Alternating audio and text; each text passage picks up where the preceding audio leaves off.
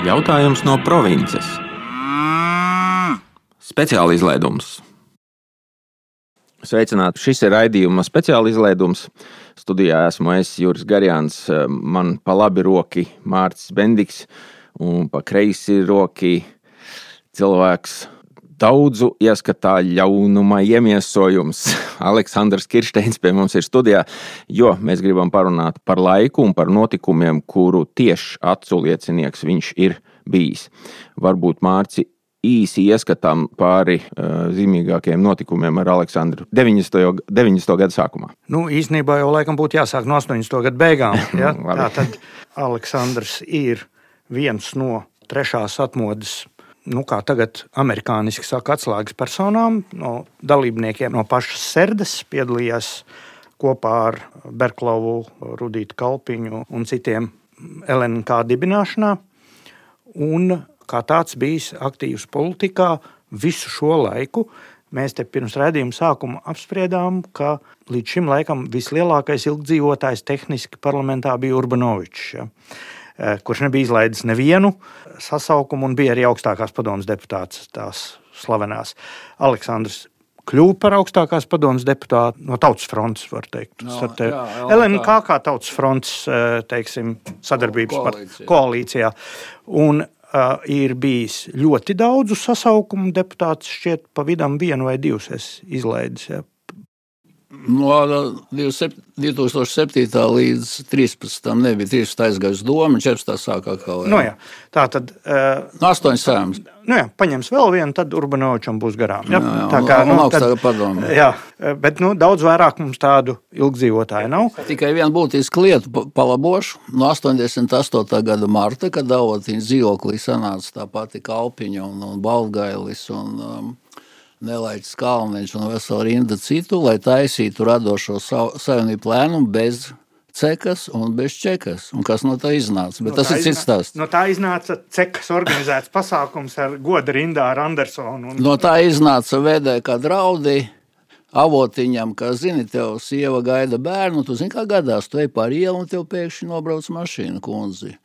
Un kāpēc? Tāpēc, ka kamēr mēs nebijām ierosinājuši teritoriālo korpusu atjaunot, lai nav jādien Krievu armijā, mums tur visādi veicināja, tas baigiem malači. Un tikko, tikko nu, savu draugu pulciņā, jā, tika pieņemts lēmums sākt ar nedienēšanu Krievijas armijā, tā momentāli atskanēja Valujeva zvani no Rakstnieku savienības. Ko jūs tur darījāt? Interesanti, kā viņi to uzzināja. Jā, nezinu.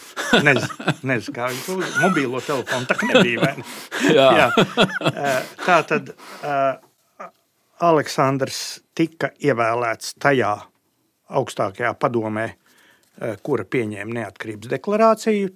To sadaļu mēs šoreiz atstāsim citām atmiņu ugunskurām. Citām atmiņu ugunskuram, par, jo pilsoņu kongress tolaik iestājās par šo vēlēšanu eh, vispār boikotu. Tautas fronte sirsnīgi iestājās par gan vēlēšanām, gan iespējams pilnīgi jaunas neatkarības eh, pasludināšanu. LNK palika tādā autonomā stāvoklī ar savu pārliecību par uh, valsts nepārtrauktības saglabāšanu, bet starta vēlēšanās tomēr kopā ar LTF. Tātad Tautas fronte ieguva vairākumu šajā.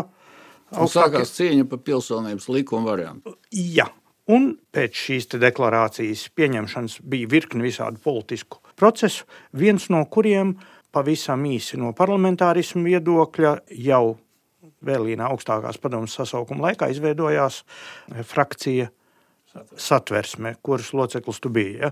Jā. kas bija jau virzīta stingri uz šo 18. novembra republikas nepārtrauktības uh, saglabāšanu. Bija tur vēl kādas atšķirības? Viņa ne, ne, netika izveidota, jā, uh, Latvijas Tautas fronts frakcijas sēdē uh, Dinēvits un Ivāns nebūtu izvirzījis priekšlikumu, ka augstākai padomē ir jāpieņem pilsonības likums. Un tad uh, mēs bijām trīs cilindrs, Berklovs un es, kas piecēlās un teica, ka mums te vairs nav ko darīt. Ar to pašu sākā veidoties šī. Pirmais vēl nebija nemaz izdomāts, ka tur jātaisa vēlēšanas, ja, kā, kā vienkārši, bet tad mēs redzējām, jo bija jau doma, ka vilks augstākā padoma visus piecus gadus. Tā kā Igaunijā jau bija, kā saka, ievēlēta jau Rīgauga, tad, tad sakot, tā frakcija izveidojas. Un to, to, to, tad sanāca tie citi, kas nepiekrīt, un tad uzreiz bija arī lēmums taisīt vēlēšanas. 93. gada vēlēšanas. Tā, mēs esam klāt pie 93. gada vēlēšanām, kuras mēs 15. marta raidījumā pieminējām, kuru rezultātā tā tad Pasaules brīvo Latviešu apvienība aizgāja kopā ar Latvijas ceļu un ar tādu domu, ka Latvijas ceļš dabū valdību, PBLā dabūtu amatus, tā skaitā valsts prezidentu, ne, Jā, kas bija Mērocam apsolīts. Varbūt Aleksandrs šo te kolorīto detaļu varētu drusku kā liecinieks un kā dalībnieks šo notikumu nedaudz mūsu klausītājiem uh, apgaismot. Nu, ļoti vienkārši neaizskāvējuši. Tātad uh, Parēķinot, Latvijas ceļš sāk taisīt aptaujas dažādas, ja pa naudu, nu, ko mēs nemaz nezinājām. Tās aptaujas uzrādīja, ka viņi var dabūt ļoti daudz. Un uh, atsevišķi cilvēki PBL, es domāju, tādi kā Cipuls, kas Vācijas organizāciju vadīja, ka viņi uh, jūta, ka ejot ar Latvijas ceļu koalīciju, nevis ar LNK, jo mums uzrādīja pusi apmēram. Tā mēs arī dabūjām, starp citu, aptaujas bija ļoti precīzas. Tu jau pareizi teici, Latvijas ceļš 36, mēs dabūjām 17. Un vienkārši daži cilvēki izreikināja, ka, ja grib būt ministrs, prezidents un vēl kaut kas, tad tomēr ir jāiet ar Latvijas ceļu. Un, un tad, kad Jurmalā bija kopējā sanāksme viņiem, tad otrā rītā es ar Berklovu mēs bijām Elizabetes ielā uz to PBL biroju tikties, kā tam gāja. Un tad tur sēdēja, es atceros, Mirovics kungs, sēdēja Cipuļa kungs, kas tur vēl bija, un, un, un tā nodūrš galvas un teica, mēs jau ar jums ietu, bet jums tak zīgerists ir, un ziniet, Jā. no ar tādu gan mēs nevaram blamēties. Un Berklas rādīja pirkstu un teica, Gunāra, tu vairs prezidents nebūsi, aizmirsti. Nu, Jā. tas ir tā nu, Berklaus ar savu lielo aparātu darba pieredzi, viņam bija skaidrs, ka vietējie tos nu, antiņus, aizjūras antiņus apčakarēs. Jā. Jā. Klausītājiem atgādināšanai, ka Zīgrists ar savu partiju startēja nākošajās sestās saimnes vēlēšanās 95. gadā. 93. gadā viņš bija LNK sarakstā, bet ne partijas biedrs laikam. Uh, viņš bija sarakstā. Un jau tajā brīdī, kur ir tie meli drusceņi, PBLā mēs jau bijām pateikuši, ka Zīgeris jau bija atklājusies tā viņa daba. Jā, viņš lika nesaskaņot sludinājumus, tikko viņa iekļautais sarakstā, viņa vairs nevarēja izņemt. Nu, vēlēšana likums tāds, ka tu nevari atteikties. Jā. Un viņš sāka pats strādāt uz sevi. Viņš lika iekšā nu, teiksim, tādus lietas, čekus dokumentus galdā, tur Gorbanovs, ja viņam nebija pierādījumi. Un, un, un, un visi tie solījumi, un tad mums pienāca ziņa, ka tas triks ar viņu ar to māsu, jo bija bijis Rumānijā, bet tur viņi bija noķēruši un izsūtījuši. Tad viņš atkārtoja Latvijā, jā, atrada tēvu un tā tālāk. Jā. Un bija skaidrs, ka mēs esam, nu, respektīvi, es jau tur nebiju, bet tie daži vientieši, kas viņi bija tur aizbraukuši pie viņu uz Vāciju un bija tā kā viņi ievilinājuši, ka mēs esam iegrābušies, un tad mēs izdomājām, ka tu nevari būt saimnes frakcijā, ja tu nerunā latviski jo viņš nevienu vārdu nezināja latviešu. To jau mēs bijām PBL pateikuši, un viņi to zināja visu to vēsturi. Bet, viņi to publiski sāk stāstīt, ka viņi neiet ar Elnēku tāpēc, ka tur ir zīgerists, jā. ja viņš jau frakcijā nebija, viņš viņam tika pateikts, nu, viņš solīja, ka viņš mēnešu laikā iemācīsies, un tur viņam bija visādi skolotāji, vai ne, un tur, man, man liekas, pat valodniece Māra Trapa un tā tālāk, nu, neko viņš neiemācījās, protams, Un viņš nemaz uz sēmu ne, negāja. Viņš arī ne, ne, viņš sēmā tā arī neienāca. Sākumā pāris reizes tur parādījās, jā, un, un, un, un tad viņi beigās tur, man liekas, viņa sēma vispār atskaitīja par to, tur jau tas kavējums skaits bija tāds, ka nebija vērts vairs, vai ne? Bet tas bēdīgākais ir, ka dažu cilvēku dēļ, kas viņu ievilka tajā, it kā LNK tur tajā sadarbības, jā, ka ļoti ātri jau, nu tur Andrejs Krastīņš bija ar veselu saprat, kas uzreiz redzēja, jā, jau Ja viņš uzreiz sāk teikt, ka mums jācīnās pret kolu, un mums jācīnās ar komunistiem, tad mēs teicām, kā tad uz divām frontēm vienlaicīgi. Un Kols bija kanclers tajā laikā Vācijā. Un, un, un tā, nu, mēs, tas bija tā drusku jocīgi. Jā.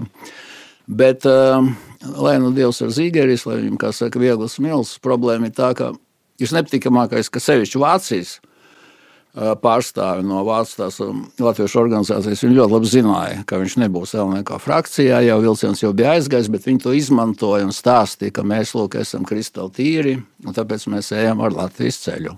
Kas sastāvēja no nu, daudz amizantākiem personāžiem, nu, nekā ne tik kolorītiem, kā nu, Zīgris, tomēr ļoti tāds uh, televīzijā uh, nu, attraktīvs cilvēks, bet uh, no saturiski Latvijas ceļš, protams, saturēja daudz lielāku porciju, viss kā interesanti. Tātad es mūsu klausītājiem atgādināšu tādu aritmētiku, kā Latvijas ceļš sākotnēji cerēja uz 40 plus vietām, ko viņam aptaujas rādīja vēl e, dažas no tām aptaujām Aleksandrs redzēja 93. gadā, zinām iemeslu dēļ. Tas taisīja. Uh, nu, ko taisīja? Nu, Freimans taisīja, bet uh, rakstīja ar roku, kā saka, pārskatus. Un, bija redzams, ka viņi var dabūt par 40 plus, un viņi pārstāja to kampaņot. Viņiem pēdējās divas nedēļas kampaņa aizgājuši vakāk. Viņi dabūja 36 vietas saimā. Tātad LNK bija 17, un būtu bijis dabiski, ja šīs divas partijas izveidot 53 stabilu vairākumu koalīciju, kurā būtu vairums intelektuālā spēka, kas vispār bija piektajā sējumā. Ja? Tur būtu gan Latvijas ceļu, kaut vai tie paši manis pieminētais tā laika draugs Ojārs Kehris, bet nu, zinātņu cilvēki, ekonomisti, tie, kas prata pārvaldīt praktiskos administratīvos mehānismus, un LNK cilvēki, kuri kopumā reprezentēja vairumu no nacionāli noskaņotā uh, intelektuālā slāņa. Tā vietā, pēc šīs visas murdzīšanās, Mejerovica nolaišanas, teiksim, maliņā nolikšanas un valsts prezidenta amata iedošanu Guntim Ulmanim, kurš kā politiķis bija faktiski nu, tuvu novērtīgam uz to brīdi kuram vērtība bija tikai viņa uzvārds un varbūt tur biogrāfijas kaut kāda sadaļa, izveidoja Birkavu valdību ar Zemnieku savienību, kurai bija tikai 12 vietas. Tas ir jau no sākta gala tiku mehānismi ielikti, lai nacionāļus nelaistu pieteikšanas un pašu valdību uzturētu ar ļoti veiklu uh, politehnoloģisku un parlamentāru praksi, uh, Tā bija Birko valdība, bija mazākuma valdība ar 48 vietām.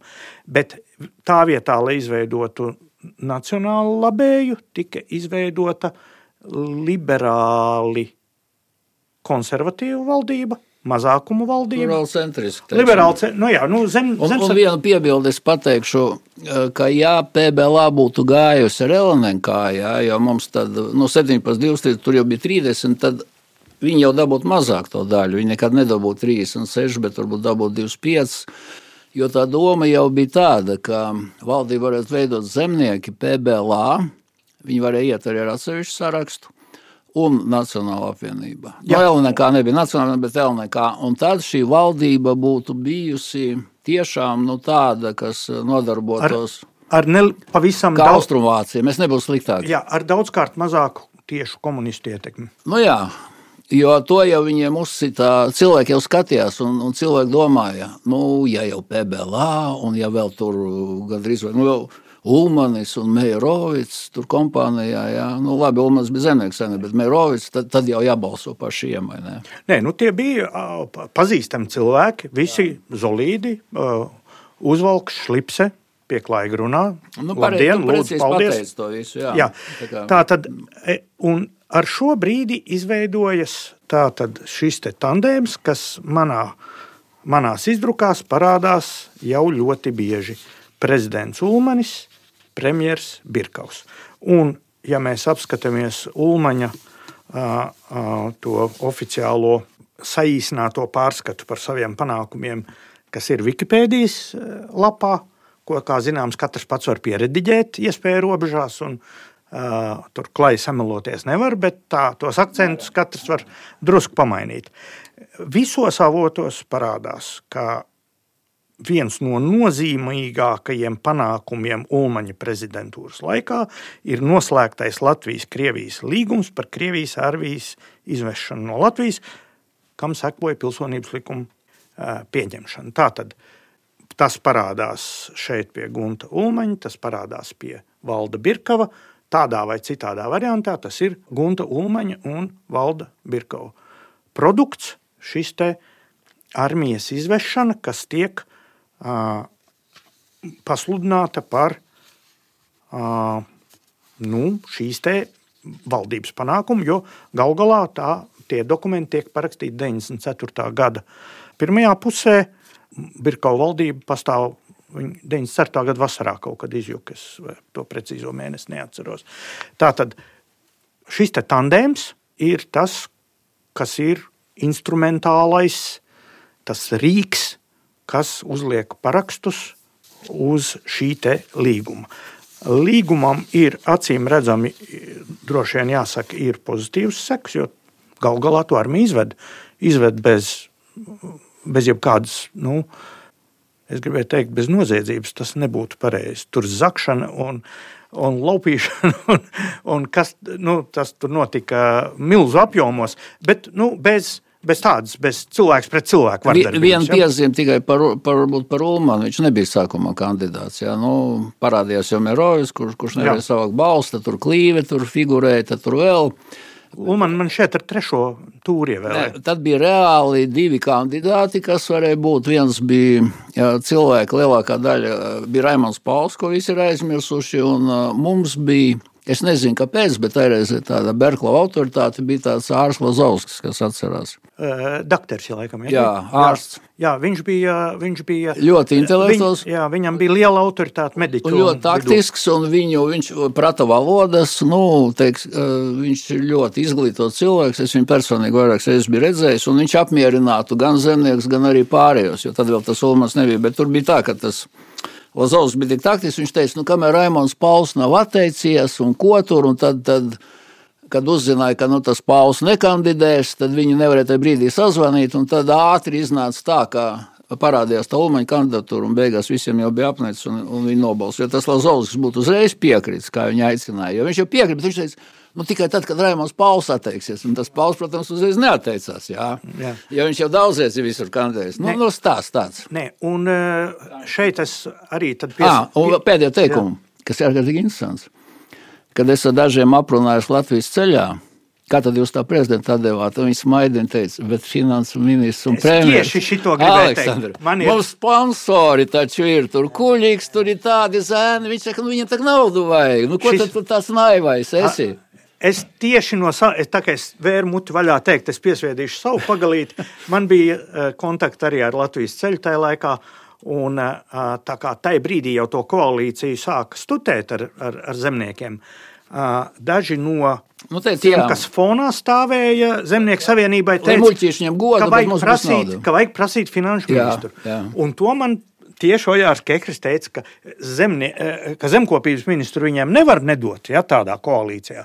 Un, ja viņiem vēl iedošu finanšu ministru, nu, tad ir skaidrs, kur tā nauda aizies, ka to nevar. Un tad viņi uzkonstruēja, es nebrīnītos, ka tur varētu būt arī uh, tāds ļoti atjautīgs un tajā laikā ļoti meistarīgs cilvēks Edvīns Inkens varētu būt ņēmis dalību, ka uzkonstruēja tā, ka zemniekiem iedod gandrīz finanšu ministru. Tik izveidots pilnīgi jauns amats - valsts īpašumu valsts ministrs finansu ministrijā, ko ieņem cits mans draugs Edmunds Krastīņš.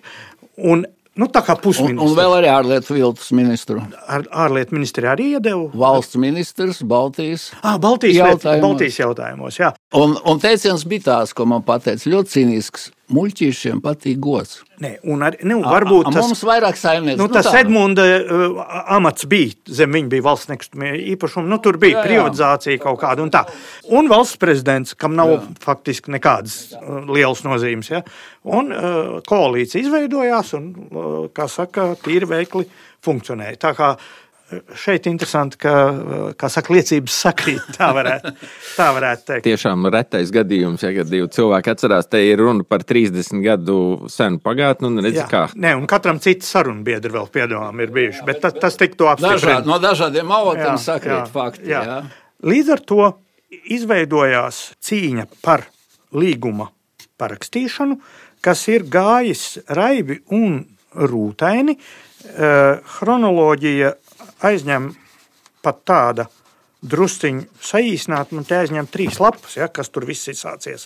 Kurā brīdī kā sarunas ir sāktas, beigts, Jeļcins viņas ir pārtraucis vien brīdi 93. gadā sakarā ar cilvēktiesību pārkāpumiem un, un paralēli ir gājušas visādas uh, vēstules tiem pensionāriem, ka viņiem tur ir neļauj tur vairs dzīvokļus, nepiešķir tur Rīgas eh, izpildu komiteju. Un, nu, tur eh, tā starpvalstu komisijā tur mainījās vadītāji. 94. gadā tur eh, virs kļūst par to sarunvedēju no Latvijas puses persona, kas šobrīd retāk redzam laikam publiski, bet kādreiz ar interesantu arī interesantām pēdām Latvijas politikā. Uh, un uh, ar, ar Zotovu veda sarunas. Un, Sāka Vovers. Jā, vēl pirms tam. Un galu galā tiek panākta vienošanās. Pats līgums ir ļoti maziņš. Jā, nu, likums par to līgumu viņš ir ļoti vienkāršs un pēc būtības viņš ir ļoti formāls, jo viņā paredz visu kaut ko tādu, kas jau ir noticis. Ja? Nu, tā izvešana jau gāja pilnā sparā. Uh, armija tirgoja ieročus. Pat ir tāds baumas, ka zemesardzes pirmās nu, vieglie ieroču pistoles ir pirktas caur starpniekiem no tām pašām nozagtajām Krievu, ko Krievu praporšķiki bija tur iztīrījuši noliktavas un, un, un tā tālāk. Bet tas svarīgākais, kas mums te paliek kā iedēta dzeguzes ola, ir Latvijas Republikas valdības un Krievijas Federācijas valdības vienošanās par Latvijas Republikas teritorijā dzīvojošo Krievijas Federācijas militāro pensionāru un viņu ģimenes locekļu sociālo aizsardzību. Tas ir līgums ar 15 pantiem, kas paredz ārkārtīgi divdomīgus un plaši skaidrojams lietas, un kā sekas ir desmiti un desmiti tūkstošu cilvēku, kas vēl joprojām saskaņā ar šo līgumu dzīvo Latvijā.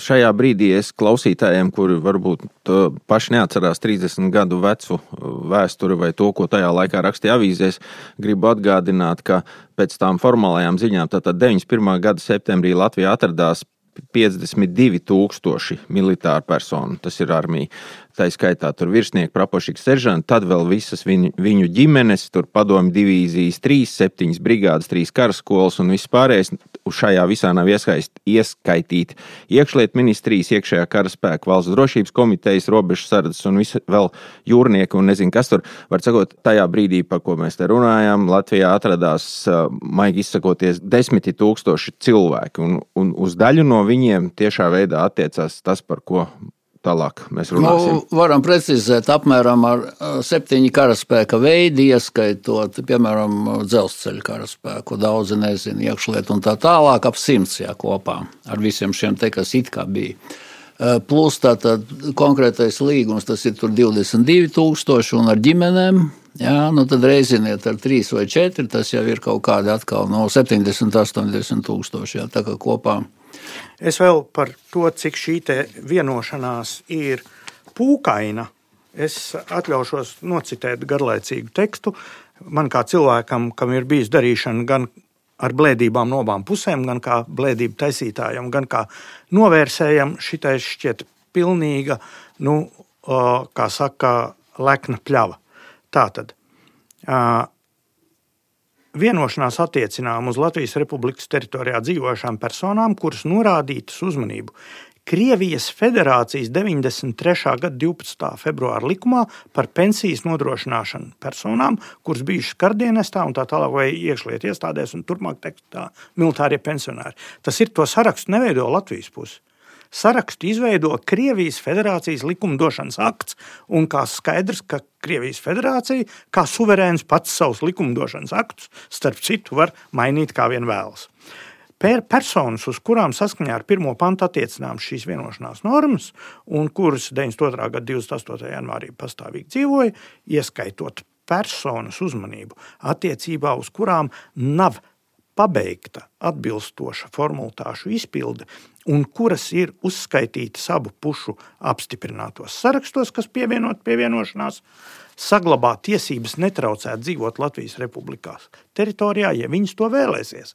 Pēc pušu vienošanās sarakstos papildus var iekļaut personas, kuras tur dzīvoja un dažādu iemeslu dēļ netika iekļautas sarakstos. Tas ir, šie saraksti ir pēc definīcijas atvērti un pilnīgi brīvi Krievijas federācijas manipulācijām. Tas ir tie 22,000 ir minimums. Nevis maksimums. Tagad uzreiz jautājums, kas ir tie 22,000? Mēs bijām tajā laikā ļoti jauni, un tagad tie, kas ir, nu, naivi mēs bijām. Ja? Tie jau nav tādi, kā mums liekas. Nu, viņš tur dienu Latvijā, viņš tur paņemts un viņš paliek. Ja? Uh, tie, kas tagad ir pārbēguši un kas strādāja gan GRU, gan, gan, gan VDK, ārējās izlūkošanas daļā, jā, viņi jau ļoti labi to ir izstāstījuši. Ja, ka tādās valstīs, kā piemēram Francijā, kur vispirms tiek ierīkotas noliktavas, jā, teiksim, kādas 30, 40 noraksts, kur, kur atsevišķas uzticības personas saliek tur iekšā ieročus, sprāgstvielas, plastiku, nu viss, kas ir vajadzīgs. Ja? Un tad, kad saņem attiecīgi kaut kādu signālu, ja teiksim, gatavojas iebrukums Kijavā, tad šo speciālo uzdevumu cilvēku aiziet. Un viņas jau neved tur simtiem kilometru, kur tie var apturēt un izkratīt. Jā.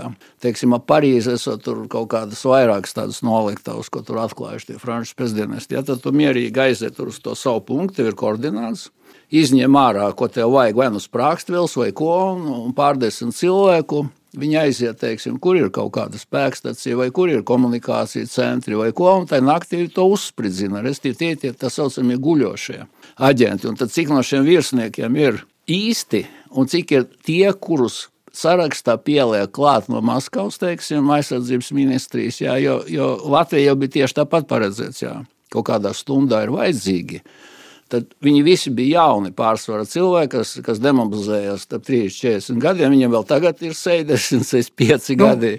Da, ir arī daži veci. Bet, bet... Vairāk, mazāk par 40 tas tomēr ir retums. Bet eh, militārs pensionārs majora pakāpē 45 gadi tā bija ikdiena. Tā bija ikdiena. Nu, un, un tātad, cik no viņiem bija, kā saka, speciāla uzdevuma virsnieki un cik bija parasti dzelzceļa karaspēka darboņi, jā, to jau mēs nezinām. Nu, tas tā. Jā, bet, bet varbūt, varbūt Aleksandra varētu nedaudz pastāstīt par to, kā tev sēžot parlamentu opozīcijā, ja, faktiski to piekto sējumu, kādi palika galvenie atmiņu punkti par to, kas parlamentā notika saistībā ar sarunām šo līgumu kontekstā, un gal galā viņi jau tika arī ratificēti, vai ne?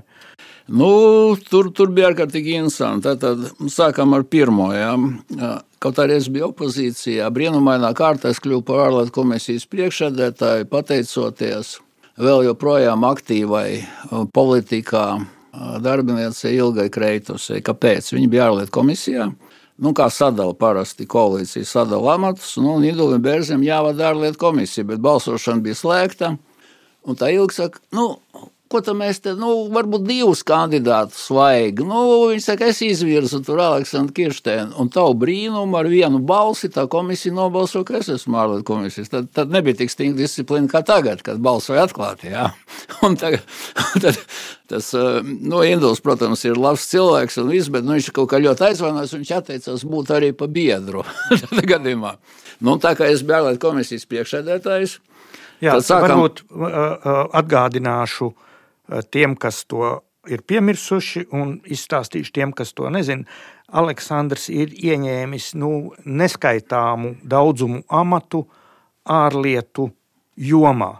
Komisijas vadītājs vairāk kārt eh, EDSO pārstāv. NATO delegācija vai DECO. Es biju ministrs kandidāts arī tajā valdībā un biju Eiropas īpašu uzdevumu ministrs divās valdībās. Šķēles valdībā šķēles, noteikti, jā, jā. ka bija, to es atceros. Un Krastiņam bija, mums bija tā valdība, kur mums pietrūka, jā, kur, kur mums tātad, skidē. Ārlietu, tieši ārlietu jomā Aleksandra amatu skaits nav, nav izsekojams. Tas ir milzīgs. Nu jā, bet tad ļoti kronoloģija būs ārkārtīgi interesanta. Tad, kad 15. Eh, martā virsmas parakstīja, mēs jau nezinājām, ka pēkšņi atnāca visi šie dokumenti. Jā, tad, godīgi sakot, mēs bijām mēmī. Tas ir parlaments nebija tik ļoti informēts. Absolūti. Tas notika kaut kur, nu, kā lai saka, diplomātiskos kulāros, smalki izsakoties. Jā, nu, protams, mums bija starpnieki, tur, tur bildes, un tur var palasīt arī dažādas grāmatas, kas ir sarakstītas un ko, ko mums ir zviedru draugi rakstījuši. Bet varbūt nekavēsim laiku, bet es tikai nocitēšu. 31. marta laikraksts Labrīt ir nofotografējis Zviedrijas premjeru Biltu, kurš sadarbojās savā laikā LNK to īso brīdi, kad bija Zviedru moderāti, konservatīvi pie varas, un, un, un LNK sadarbojās. Mums bija tajā, tajā laikā bija tie sadarbības līgumi, mums bija Zviedru moderāti. Mums likās, ka tas bilds ir rīktīgs vecs, jā, jo mēs domājam, ka moderāti ir konservatīvi, bet viņi ir mērenie, drīzāk Latvijas ceļam. Nu, Aris Jansons uzrakstīja tādu rakstu, Zviedrijas premjeras atgādina par starpvalstu nolīgumiem, nemēdz jokot. Jā. Un kāpēc? To es pateikšu vēlāk. Bet kā jau varēja sagaidīt, Kārlu Biltu bija aizskārs Aleksandra Kirsteina, Latvijas oficiālās ārpolitikas pārstāvja izteikums avīzē dienā, ka Bilds ved uz Rīgu jaunu Molotovu-Ribbentropu paktu. Jo bija jau zināms, ka saima var neatbalstīt, jo pēc tam, kad jau paraksta Maskavā, tad vēlreiz jāratificē ir parlamentam, visi kopā. Nu, tad ļoti vienkārši. Ja? Pa balsojumu, kas bija. Nu, protams, notika LNK sanāksme, kur, kur tika uh, saimnes balsojuma projekts sagatavots. Un, um, sanāk tātad 15. martā parafēto Latvijas-Krievijas līgumu parakstīšanu uh, pārtaisīt, uh, nolēma LNK valdes sēde. Un, Otrais punkts līguma bija ierakstīts tas saimnes lēmumā izveidot valsts delegāciju turpmākām sarunām ar Krieviju. Nevis braukt ar šo uz Maskavu, bet izveidot jaunu, turpināt vēl sarunas un tad parakstīt. Jā. Nu, un saimā tur pirmais balsojums, lemjošā daļa Latvijas Republikas saimā nolēma neatbalstīt 15. maijā par, martā parakstīto. Protams, viņam nav vairākuma. Jā. Bet Saima atbalstīja otro punktu, ko LNK bija uzrakstījusi. Viņš saucās izveidot valsts delegāciju turpmākām sarunām ar Krieviju. It kā uh, frakcijas piekrita, bet kaut kā pirms tās balsošanas notika kaut kāda tur apstrāde un sanāksmes, un pietrūka balsu. Tas bija doma uz to uzlabošanai. Ja? Tad, tad pirmais bija vispār neatbalstīt, otrais bija uzlabot. Ja? Nu, un tad sākās nākošais. Latvijas ceļš iesniedza savus labojumus lēmumam par to, nu, ka mēs deleģējam delegāciju uz Maskavu. Ja paraf, jo, kā notiek, cilvēki nezina. Parafēšana tas ir kā darba grupa parakstā. Nu, ka teksts šī tik tāli saskaņots. Vir, jā, jā virsis saraksta visu. Tad sājuma apstiprina pilvaras un parasti parakstā vai nu premjerministrs un ārlietu vai prezidents un ārlietu ministrs, bet nekad prezidents kopā ar premjeru neparaksta. Tas ir, to es pastāstīšu. Nu, tagad Labi, LNK balsojumu neiziet. Latvijas ceļš, pirmais balsojums par Latvijas Republikas starptautiskiem līgumiem. Eh, pilnvaro valsts prezidentu parakstīt 15. maijā parafētos līgumus par Krievijas federācijas eh, nu, bruņoto spēku izvešanu un tā tālāk. Par nobalso 47, atturās 4, eh, pret nobalso 18 pieņemts. Jā. Tātad vedam karaspēku ārā, iebildumu nav. Nākošais balsojums uzdot Latvijas Republikas ministrs kabinetam izveidot ekspertu grupu, lai precizētu nolīgumu projektu vienošanās par militāro pensionāru un viņu ģimeņu locekļu sociālo aizsardzību. Arī it kā skaisti, pret jau ne, bet nu vajag pielabot. Ja? Visi atkal milzīgā sajūsmā, 45 pār, pret nav neviena, atturās 6 pieņemts. Bet tur bija vēl divi līgumi. Nu, viņas, viņas savus faktiski pa, tā, pa vienošanos. Viens bija skrundas nojaukt jauno lokatoru nepabeigto, kas bija ļoti spēcīgs un liels, un otrs pagarinās uz četriem gadiem. Nu, to veco turpināt. Un nav tā, ka tad bija tikai akcents uz tiem virsniekiem. Bija akcents uz to, kāda vēl ne pēc. Vēl četri gadi. Nu, saprāt, kaut kas ārprāts, jā. Jo nekas tās ne lietuviešiem, ne igauniem, ne arminiekiem, un mums vēl četri gadi skrunda. Un tagad balsošana, jā, Parčes pieci, pret nav, un atturās viens, un kopā ir seši no kvoruma. Un līdz ar to kopējā pakete netiek pieņemta. Kas ir ārkārtīgi interesanti. Ja? Tad saimē atsevišķi nobalso par karaspēku ārā, nobalso uzlabosim par sociālo līgumu. Un tā kā bija debats, ja, ka tomēr nu, tie divi tur par to skrundu, ka tie tīrie mēsli, Beigās saimnes vairākums nolēma vispār nenobalsot. Nu, vairākums gan it kā atbalstīja, ja, bet, bet nu, balss nesanāca. Un vispār nav pilnvarots ne prezidents, neviens no Latvijas braukt un parakstīt, jātaisa jauns līgums. Uzreiz izlaiž Birkaus un saka, labi, mums ir vēl viens priekšlikums Latvijas ceļam par uzticību valdībai. Un par uzticību knapi nobalso 51 balss.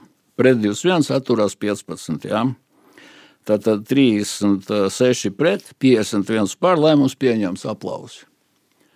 Ja ir uzticība valdībai, tad valdība nospriež, ka viņam pie vienas vietas, ko tur saimē balsoja. Nu, taču uzticība bija. Nu, tajā dienā tā, mēs par to runājām. Lai gan saima nenobalsoja vispār ne pa vienu vairs. Nav saimas pilnvarojuma, ko cilvēki nezina. Tas ir šeit klausītājiem tīri tāda tehniska piezīme, ka neusticības balsojums ir kaut kas, ko izvirza un balso, un ja neusticība ja saimē izsaka neusticību, valdība krīt. Valdība, jā.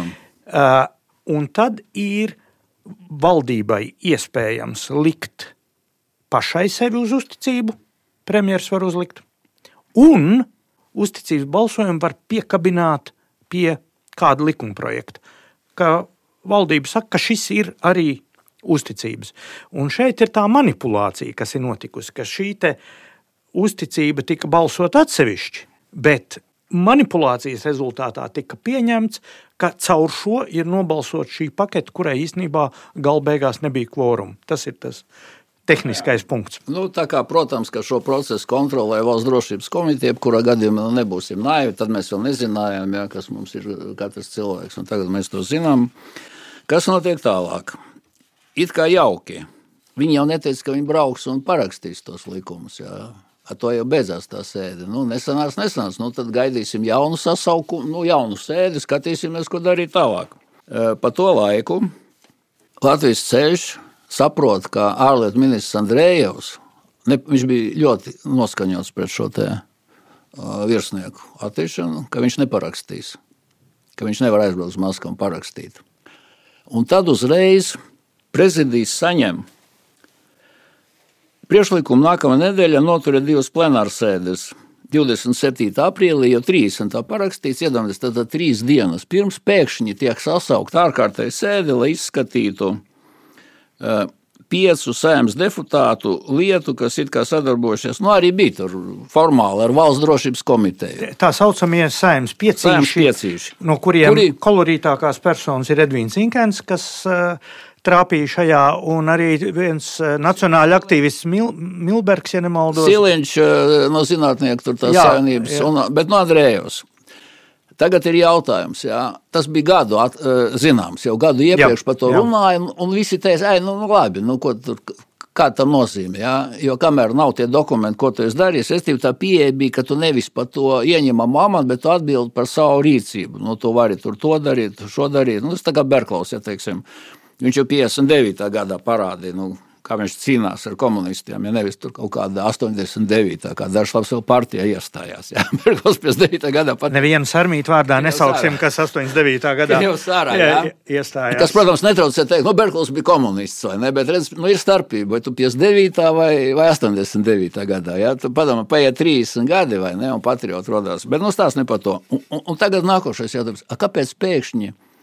Trīs dienas pirms parakstīšanas Maskavā pēkšņi jāsauc ārkārtas sēde, lai pateiktu, ka Andrejevs ir bijis VDK aģents sarakstā, tāpēc, ka viņš bija jānovāc. Jā, nu, protams, uzreiz balsojums, ka nu, kā tur jāaptur, kam ir izmeklēšana, vairs nekur tu nevar strādāt, vai ne? Tātad viņš tiek noņemts un brauc uz Maskavu Birkaus ar Ulmani ko, protams, tajā brīdī mēs arī nezinājām, vēl, bet viņi jau zināja, ka tur jau viss bija sarunāts. Jā. Vēl bija tāda lieta, ka sēma bija parakstījusi. Respektīvi, nevis parakstījusi, bet nobalsojusi. Nu, faktiski tas bija komisijās, un bija tāds lēmums, ka, par, ja jau nevar nu, bez tās skrundas tur iztikt, tad prasīsim pa katru gadu apmēram 100 miljonus, kas Krievijai nebūtu nekas, tad 4 gados 400 miljonu dolāru. Jā. Eh, kāpēc notika šī prasība? Tāpēc, ka starp parakstīšanu un parafēšanu eh, frakciju vadītāji bija uzaicināti uz Amerikas Savienotām valstīm. tikties ar Klintonu, jo tur bija bailes, ka tā saucamais presidential commitment, vai kā viņi tur sauc, ko Jelcins ir vienojies ar Klintonu divatā, ka viņu varētu izgāzt. Lai gan amerikāņi bija nepareizi informēti, jo viņi domāja, ka, ka mēs pret karaspēku izvēršanu balsosim. Ne? Par tiem virsniekiem viņi vispār tik daudz neuztraucās kā par to skrundu. Jo redz, skrunda bija starptautiskais līgums. Skrunda nebija vienkārši līgums, kā daži domā, bet viņš bija uh, strateģiskais līgums ja, par šo balistisko raķešu samazināšanu, un, un tur lokatūra gāja iekšā, lai, lai, lai, lai redzētu, ka tu neblēdies, jā, un nepārdod tur beigtu zirgu, vai ne, tad, tad to lokatūru atstāja. Un, un tad izjukta tur, nu, amerikāņiem, protams, savs nacionāls intereses, un, un tā doma jau bija ļoti loģiska, jā, ja, ja, ja tur nojauc, vai ne, teiksim to, tad tas līgums tiek traucēts, jo... Kontrolas iespējas pazūd abām pusēm līdzvērtīgas. Jā, paliek, nu, ir sakot... Uh, tika uzaicināta delegācija, kas aizbrauca uz Amerikas Savienotām valstīm, vai ne, un tikās. Un, un tur gan izrādījās, ka tas, tas it kā viņi bija vienojušies ar to, bet tas bija tā, nu, Klintons, starp citu, bija pateicis Jelcinu, nu, jums ļoti vajag, nu, labi, lai paliek, jo viņš jau neanalizēja, kas tie tādi, tie 22 tūkstoši, cik starp viņiem ir, teiksim, speciāli uzdevumi vienību virsnieki, kāda, kur viņiem ir norakts kaut kādas prakses Latvijā un tā tālāk, jā, nu, šeit, nu, labi, viņus interesē, tas tāpat kā tagad, jā, viņus interesē Ķīna, nevis Ukraina. Jā. Un, un, un es vienkārši to piezīmēju, pateikšu, ka Latvijas vientieši saka, nu mēs tagad aizbrauksim tribunālu, tur taisīsim, jā, dienas helikopteriem paņemsim cietu un vediesim uz Hāgu. un Blinkas izsvītrot, tas, kas jūs tā kā jukuši vai? jo ideja jau ir kāda. Ja tev ir mafijas valsts blakus, jā, kuru vada krustēvs tur, un, teiksim, ir konsilieri, un tad ir ģimenes, un tā kā krustēvs, nu, savā, savā ziepes tā sadarbība nesanāk, tu viņu novāc un ieliec labo krustē. Un tad tu tās ģimenes sašķiro, šitie ir labie, tiem tur kontus atver vai ne, un šitie sliktie, nu tos tā.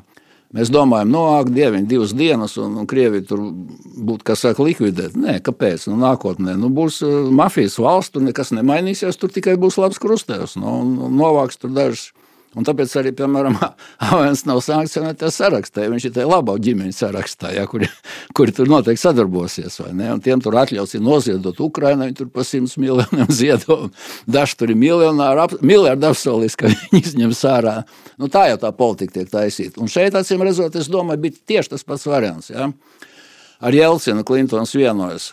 Lokators paliek, karaspēks ārā A, tur kaut kādi pensionāri, viņš domā, tie varbūt jau 80 gadi, tie tuliņi apmirs. Jā. Un kāpēc viņi tā domā? Es to pateikšu vēlāk, jo mums pēc tam bija pieņemšana, tur privātās, tur Brzezinskis piedalījās, un tās sarunas vispār bija kaut kādas, pa ko varētu aprakstīt. Bet, nu, labi. Tā tad tiek novākts, kā mēs teicām, Andrejevs, Brauns Birkaus. Jelcins paraksta pirmo līgumu, tālāk viņam tur nospļauties. Viņš saka, nu kā, ja viņi cels, ka ģēl un vienkārši aiziet prom. Un tālāk šī var Birkaus ar Soskovecu, jā, laikam viņam bija tas uzvārds vietnieks premjeru. Jā, Černomirdis ar kaut kur ir aizbraucis. Paraksta tātad pēkšņi, jā, nevis vairs 400, bet, bet 5 miljonus. Atkal Birkaus piekrīt, neskapēc, jā, lai gan bija par 400 miljoniem runa. Un tā tas notiek. Un, kad atbrauc jau atpakaļ, tad ir fakta priekšā tāda baidīšana. Nu, kā jūs tad neparakstīsiet? Krievija pasaka, tad mēs vispār karaspēku neizvedam. Jā, nu, tas šausmās no tā, ka tie krievi paliks vispār un nezinu, kas var notikt. Protams, Kaut ka vairāk to brīdi jau viņi bija, izvešana bija lielā mērā sākuma. Jā, nu, protams, un ko es nebiju, bet uh, tad, kad bija tas galīgais balsojums, vienkārši mēs pret nevarējām balsot, jo nu, tur bija divi labi lī, līkumi. Vienu, vienu lokatoru nojauts, karaspēks izvācis, sliktais lokators paliek. Pensionāri paliek, mēs līdz ar to vispār nebalsojām. Atturēt. Tur daži atturējās, daži nebalsoja. Bet nu, par neviens nebalsoja, tāpēc ka mēs nevaram balsot par tiem diviem likumiem. Tas ir stāsts. Jā. Un pēdējais, ko es pateikšu, paralēli, mēs, mums liekas, jā, ka tas ir nu, tikai kā jau cilvēkiem bez pieredzes, bez diplomātijas, bez vēstures. Jā. Un cik forši, nu, kas Krievija domā. Nu, 18. gadsimtā jau viņam radās diplomātskais dienas, ne, ne, ne pat 19. Un viņi jau bija izdomājuši jau uz priekšu, jo paralēli, ko mēs nezinājām, ja, notiek Krievijas federācijas padomes un domes, jo viņiem ir divas palātas, un katrai ir ārlietu komisija kopējās sēdes, un viņas notiek paralēli visu laiku. Nevis tā, ka vienā dienā kā pie mums, bet jau tā kā tikko virs parakstījums, viņš visu laiku notika.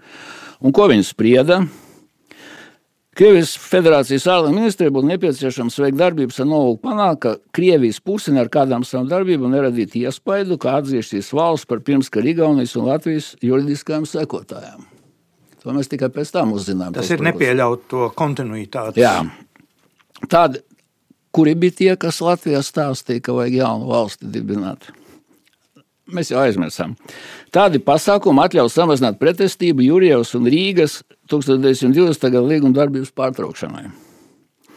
Un vēl tādi mūsu soļi palīdzētu eh, izkliedēt apgalvojumus, ka PSS atbilstoši darbības bija pretrunā ar starptautiskām tiesībām, tika kvalificēts kā agresija, ka padomu karaspēka ierobežots kontingents ticis ievests Baltijas valsts teritorijā bez vienošanās ar šīm valstīm. Šāds pētījums iespējams palīdzētu pareizi novērtēt Molotov-Ribbentrop pakta patieso lomu, kā arī to, cik lielā mērā Baltijas valstu tās vai citas darbības noteica vēlmi novērst fašistiskās Vācijas veikto savu valstu okupāciju. Tas mums bija šausmas. Jā. Mēs lūdzam Krievijas karaspēku un pievienojamies tikai tāpēc, ka mums draudēja Vācijas okupācija.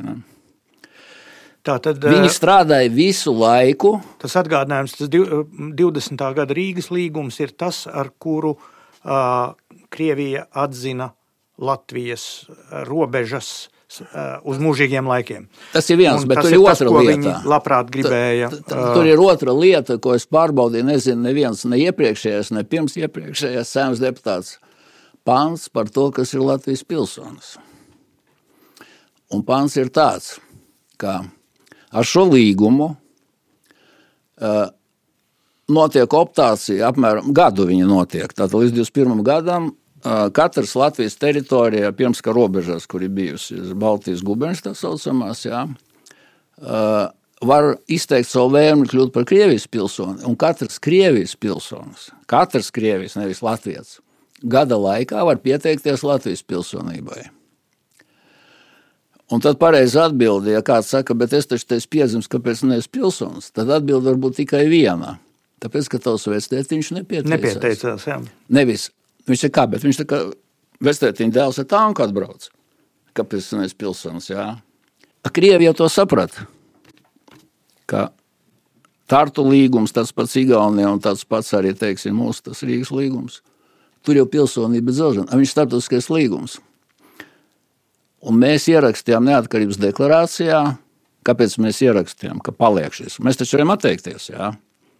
Tāpēc, ka ja Krievija atzītu to līgumu par spēkā esošu un arī robežu līgumu, tad viņai taču jāatzīst arī pilsonības. Tas starptautisks līgums, viņš bija deponēts vai ne?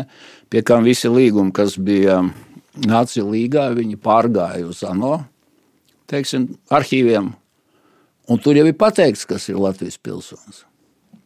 Un pēc tā iznāk, ka ir tikai 8% Latvijas pilsoņi. Nu, Krievi kā tādi, vai ne 8%. Tā kā tas mainījās? Un, un mums jau ķīsās galvā, un šizofrēnija. Ja? Bet šeit jau viņi jau visu soļus bija izdomājuši, kas var notikt. Jā. Viņi jau paredzēja, ka varbūt beigās ziepes, ja, nu, ja nu, piemēram, paliek spēkā. Jā. Un, un viņi visu laiku risina šos jautājumus. Jā. Lai, lai denos, pēc būtības, lai likvidētu. Nu, tos mēs dabūjām no viņu, teiksim, te, te iztulkoja jau pēc tam Andrejus. Tas ir ļoti interesanti, vai ne? Te skan jautājums no provinces. Telefona radio raidījums, kuru Latvijā klausās katrs ministrs un katra deputāte. Nepaliec par vientulīti arī tu. Noklausies pats, pārsūti raidījumu radiem un pastāsti kaimiņam, ko dzirdēji jaunajā sērijā. Izglābi draugu no garlaicības un nezināšanas, uzaicini viņu raidījuma klausītāju pulkā. Vai es drīkst iejaukties ar jautājumu tā kā klausītājiem no malas? Vai Jūs uzskatāt, ka tajā brīdī nekāds labāks variants nebija iespējams. Pēc būtības tas bija kaut kāds tāds tā kā kompromiss pēc jūsu tā brīža zināšanām un saprašanām. Nu, vienkārši tā, tā, tāds bija un tur, tur nebija variants. Virsnieks varēja nepieņemt, tāpēc, ka tad, kad bija šī tikšanās Amerikas valstīs, nu, viņiem arī tā telpa, kur, kur kā saka, ieiet iekšā, kur nav neko dzirdēt vai ne. Un, un, Es pievērsu uzmanību, ka viņi runā tikai par trim līgumiem. Nekur netiek pieminēts vispār kaut kāds virsnieku. Ja? Ko izrādās tiešām vēlāk, mums pateica, ka tas tā, nu, Jelcins teica, ka mums tomēr ir tāda prasība, un tas Klintons teica, nu, labi, kaut ko apmēram tā. Tur īsti nav skaidrs, nav jau tā protokola. Bet uh, pēc tam bija tāda neliela izbraukšana ārpus Vašingtonas uz, uz vienu diplomātu. Viņam bija tas liels īpašums, jā, bija ar, ar tādu dārza nojumi, kur tā sakot, brīvā, brīvā atmosfērā varēja paņemt viski, un varbūt viņi gribēja parunāt arī, nu, lai redzētu, kas tie pa cilvēkiem, mums bija visa frakcija, frakcija deputāti, kur bija arī tādas kurjos personas kā līdztiesība, kas faktiski ko sauc par līdztiesību, bet viņa nesaucās tajā. Uh, oficiālais nosaukums bija kustība par sociālo taisnīgumu un līdztiesību. Jā, jo līdztiesība jau bija augstākajā padomē. Un tur bija tāds Filips Stroganovs, jā, jā, jā. no Latvijas. Tad tur bija Demokrātiskā centra partija ar Kreitus un Aida Prēdēlu no Kristīgiem. Nu, tā delegācija bija ļoti raiba, bet bija Bržīnskis, tur bija bērns, starp citu, kas bija toreiz Baltijas nodaļas vadītājs, atceros. Un, un, un tad vai viņš vai vēl viens, nu, tā kā iedzer to visu, viņš saka, nu, mums, godīgi sakot, tie virsnieki, nu, to tekstu tik precīzi nevar pateikt, pie vienas vietas viņš neteica, bet tā ideja bija tāda, ka to mēs neprasam. E, Igaunijas ārlietu ministrs, starp citu, paziņoja, Jiri Luiks, ka Krievija ir unikāla iespēja, kā saka, pabeigt armijas daļu izvešanu Latvijas Igaunijas līdz 97. gada 31. augustam. Bet, eh, kas attiecas uz līguma parakstīšanu, es uzskatu, eh, ka mēs šeit nekādas atbildības virsnieks Igaunijā neatstāsim, un, un arī nevajadzētu Latvijai dot tiesības pārbaudīt jā, pacietību, nu, teiksim, un nodarboties ar atļauju izsniegšanu Krievijas atvainotām minerālu personām. Ja sējiem būtu nobalsojis par to priekšlikumu, nu, atkārtot sēdi varēja sasaukt, viss tie paliek, lai tas krunda, tas arī sīkums, pārtaisīt šo līgumu, teiksim, varbūt tam, kam ir sieva, tur, nu, tur viņi kaut kādā veidā, tur, teiksim, tūkstots virsnieku paliek, ja? tad nebūtu problēma. Uh, ja mēs atteiktos, karaspēks tiktu izvests, jo Jo bija tā pre prezidentālā vienošanās, tomēr bija. Nu, viņa bija, bet viņi paši tur tie, kas nebija, viņi teica, ka nu, mums tur tā, jā, pa to izvešanu. Es nedomāju, ka viņi bija dzelžaini, ka viņi bija fiksēta, bet es domāju, ka Krievijai bija tairēzē svarīgi tie aizdevumi, kas bija viņiem apsolīti, tad labība. Nu, viņiem nebija taču ko ēst, tur bija nemieri, tur bija ograču, mēs atceramies kaut kādi streiki, ja, un kā tur bija viss tas jāsaglabā tajā laikā.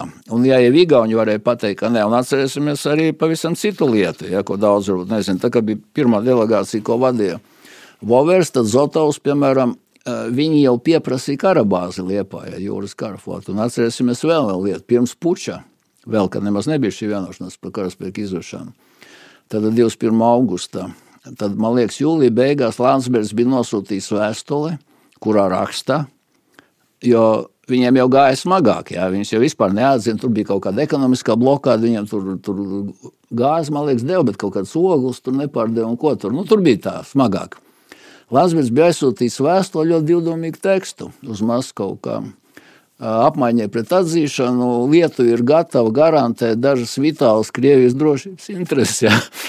Latvijas tulkojot, tas ir Klaipēdā paliek kaut kādā, ko viņi gribēja, kaut kāda jūras karbāze. Un tā kā viss tas ar to puķis, kā saka, aizgāja pa burbuli, tad līdz ar to arī Leiši tur veikli, tur, kā saka, savās savu priekšlikumu un nekas nenotika. Jā. Tad tas jau arī parāda to, ka, ja mēs būtu rīkojušies kā īgauni, ja, tad, un arī tad, kad mēs slēdzam robežu līgumu un Igauni nenoņēma savu deklarāciju un Krievi pateica, mēs neredzēsim, tad mēs redzam, ka Igaunija tāpat uzņēma. Ja, un viņiem starp citu vēl tagad nav redzēts tas robežu līgums. Pečoriem. Tas ir par viņu to pēc arī daļu. Viņi pielika klāt. Un, pie, pielika un, un, klāt, viņi, viņi dabūja? Viņi no mūsu ārlietu komisijas dabūja. Viņi neatsakās vienkārši no Viņiem tā. nebija tā protokola, kad viņi redzēja, ka mēs, mēs pirmie izdomājam, ka mēs pieliekam. Tas bija 8. sājumā, kad es pateicu ārlietu komisijai, ka tikai referendumu ceļā mēs to varam darīt, jā, un pievienoju deklarāciju par. Un tad Vairvīčs Freibergs bija zvanījis Čēlim un teicis, kāpēc Kirstens ir ārlietu komisija. Viņš izjauca mums visu šo zīda ceļu, ko mums te apsolīja. Un astotā saimnieks nespēja pieņemt nekādīgi. Tāpēc, ka mums bija uzrakstīts ārlietu komisijā tas lēmums, ka mēs to varam darīt tikai pievienot deklarāciju. To deklarāciju Lēbers atsūtīja, jā, ka tas ir okupācijas ceļā. Lēbers uzskatīja, nu, zina, kas ir Lēbers. Cilvēki, kuriem nezina, tas bija Latvijas Universitātes eh, kādreizējais profesors, viņš bija tiesībnieks Vācijā vai ne. Un viņš, viņš bija tēvs šai nepārtrauktības idejai, ka tikko mēs piekāpsimies kaut vienā jautājumu, ka mēs esam jaunveidot valsts, tā Latvija būs cauri. Jā. Tad viss ir pilsoņi, tad ir nu, Krievija paliek divvalodība, skolas. Mēs nevienu jautājumu neatrisinātu. Un, un Igauni tad, tad tika galā. Mans viedoklis, ar to es beidzu to savu penteru, mans viedoklis ir, ka mēs varējām neredzēt šo trešo līgumu. Varējām vilkt uz sarunas, kaut kā nomuļāt un tā tālāk, ka karaspēks tiktu izvests, ka tas nebija vajadzīgs. Nu jā, un rezultāts mums ir tagad apkopojot, kas no tā iznāca. Ka mums bija 22,300 pirmotnējā sarakstā fiksētu virsnieku, atvērts pants, pēc kura tur var likt klāt vēl un vēl. Ir ģimenes locekļi, pie kam tie ir gan ģimenes locekļi, gan apgādībā esošie, gan vēl kaut kāda, kā es te nolasīju to formulējumu, neskai, neskaidrs daudzums citu. Mēs runājam jau par mērogā simt tūkstošu cilvēku, kuri paliek šeit dzīvot, kuriem ir skaidrs, ka viņi dzīvo šeit netraucēti. Tas nozīmē pēc, pēc šī līguma.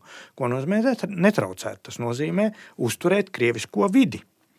Un ļoti pakalpīgā Latvijas vara visus šos 30 gadus uzturēja izglītības sistēmu Krievu valodā, lai viņu bērni un mazbērni varētu turpināt šo ērto krievisko vidi. Tas ir viens no praktiskajiem e, šī līguma ilgtermiņa realitātes punktiem. Ne jau tikai skolu vidi uzturēja mediju vidi, raidstaciju vairāk kā Latvijas, uzturēja preses vidi, uzturēja uzņēmējdarbības vidi ar uh, privatizētiem maus, kur bija ļoti daudz krievu direktori, jā, nu, tādu uzņēmumu. Nu, liela daļa nobankrotēja, bet daudz jau palika, jā, sevišķi loģistika un tā tālāk. Tātad jums bija mazā Krievija, sākot ar avīzēm, televīziju, skolām, bankām.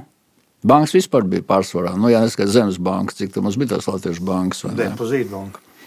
Depozīta zemes un Kristupānam bija Hansas banka. Nē, nē kā viņi saucās? Deutsche Letiša. Deutsche Letiša. Nu, viņi bija tādā nozīmē nu, Latvijas nu, banka, ka Bliks bija visus, bet, nu, labi, nu, nesāksim tagad. Nu, jā, jā, nu, Vitolam arī tur sampo kaut kā, nu, bet, bet, nu, principā nav nevienas rezultātā. Bet šie te cilvēki, viņi, kas ir pēc pilsonības statusa? Nepilsoņi tā sauktie? Jā. Lielākā daļa es pieņemu, ka tie, kas bija Krievijas pilsoņi, viņi arī palika Krievijas pilsoņi. Uh, nē, tur ir divas lietas, pateikšu. Jā. Tātad cilvēki atkal maldīgi domā, ka ne, ir bezvalstnieks un ir nepilsonis. Ir milzīga atšķirība. Nepilsonis ir principā privileģēts pilsonis bez balsošanas tiesībām, bet viņš var braukt uz Krieviju bez vīzām un cik vien viņam ienāk prātā. Un, nav jādienē armijā. Jā, bet viņam ir vēl viena privilēģija. Viņš var braukt pa Eiropas Savienību bez vīzām un strādāt jebkurā Eiropas Savienības valstī tieši tāpat kā Latvijas pilsonis. Un tad ir jautājums, priekš kā viņam vajag. Jā? Nu, ja viņš ir kaut kāds uzņēmējs un ja viņš negrib politikā līst. Uh, bezvalstnieks tad ir savādāk. Jā. Viņš varbūt skan slikti, bet, bet faktiski bija pareizi saukt viņu Latvijas valsts piedarīgais. Un, ja paskatāmies, cik cietumos sēž īrija un Lielbritānijā, tad 70% sēž Latvijas valsts piedarīgais. Jā. Jā. Tā tad privileģis liels. Tas sarežģītums ar nepilsoņu statusu ir tas, ka viņš ir gandrīz unikāls.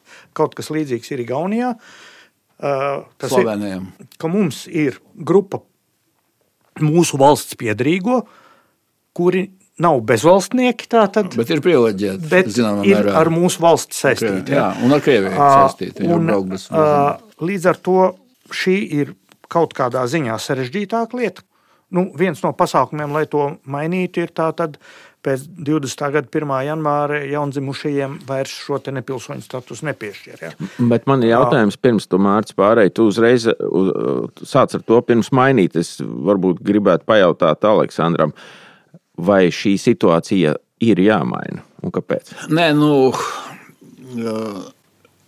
Ko tad es varu teikt? Jā, nu, sākot ar LNK, kas pēc tam tur transferēja. Es gan nebiju tajā tēvzemē brīvībā, bet nu, arī tā un tagad ir.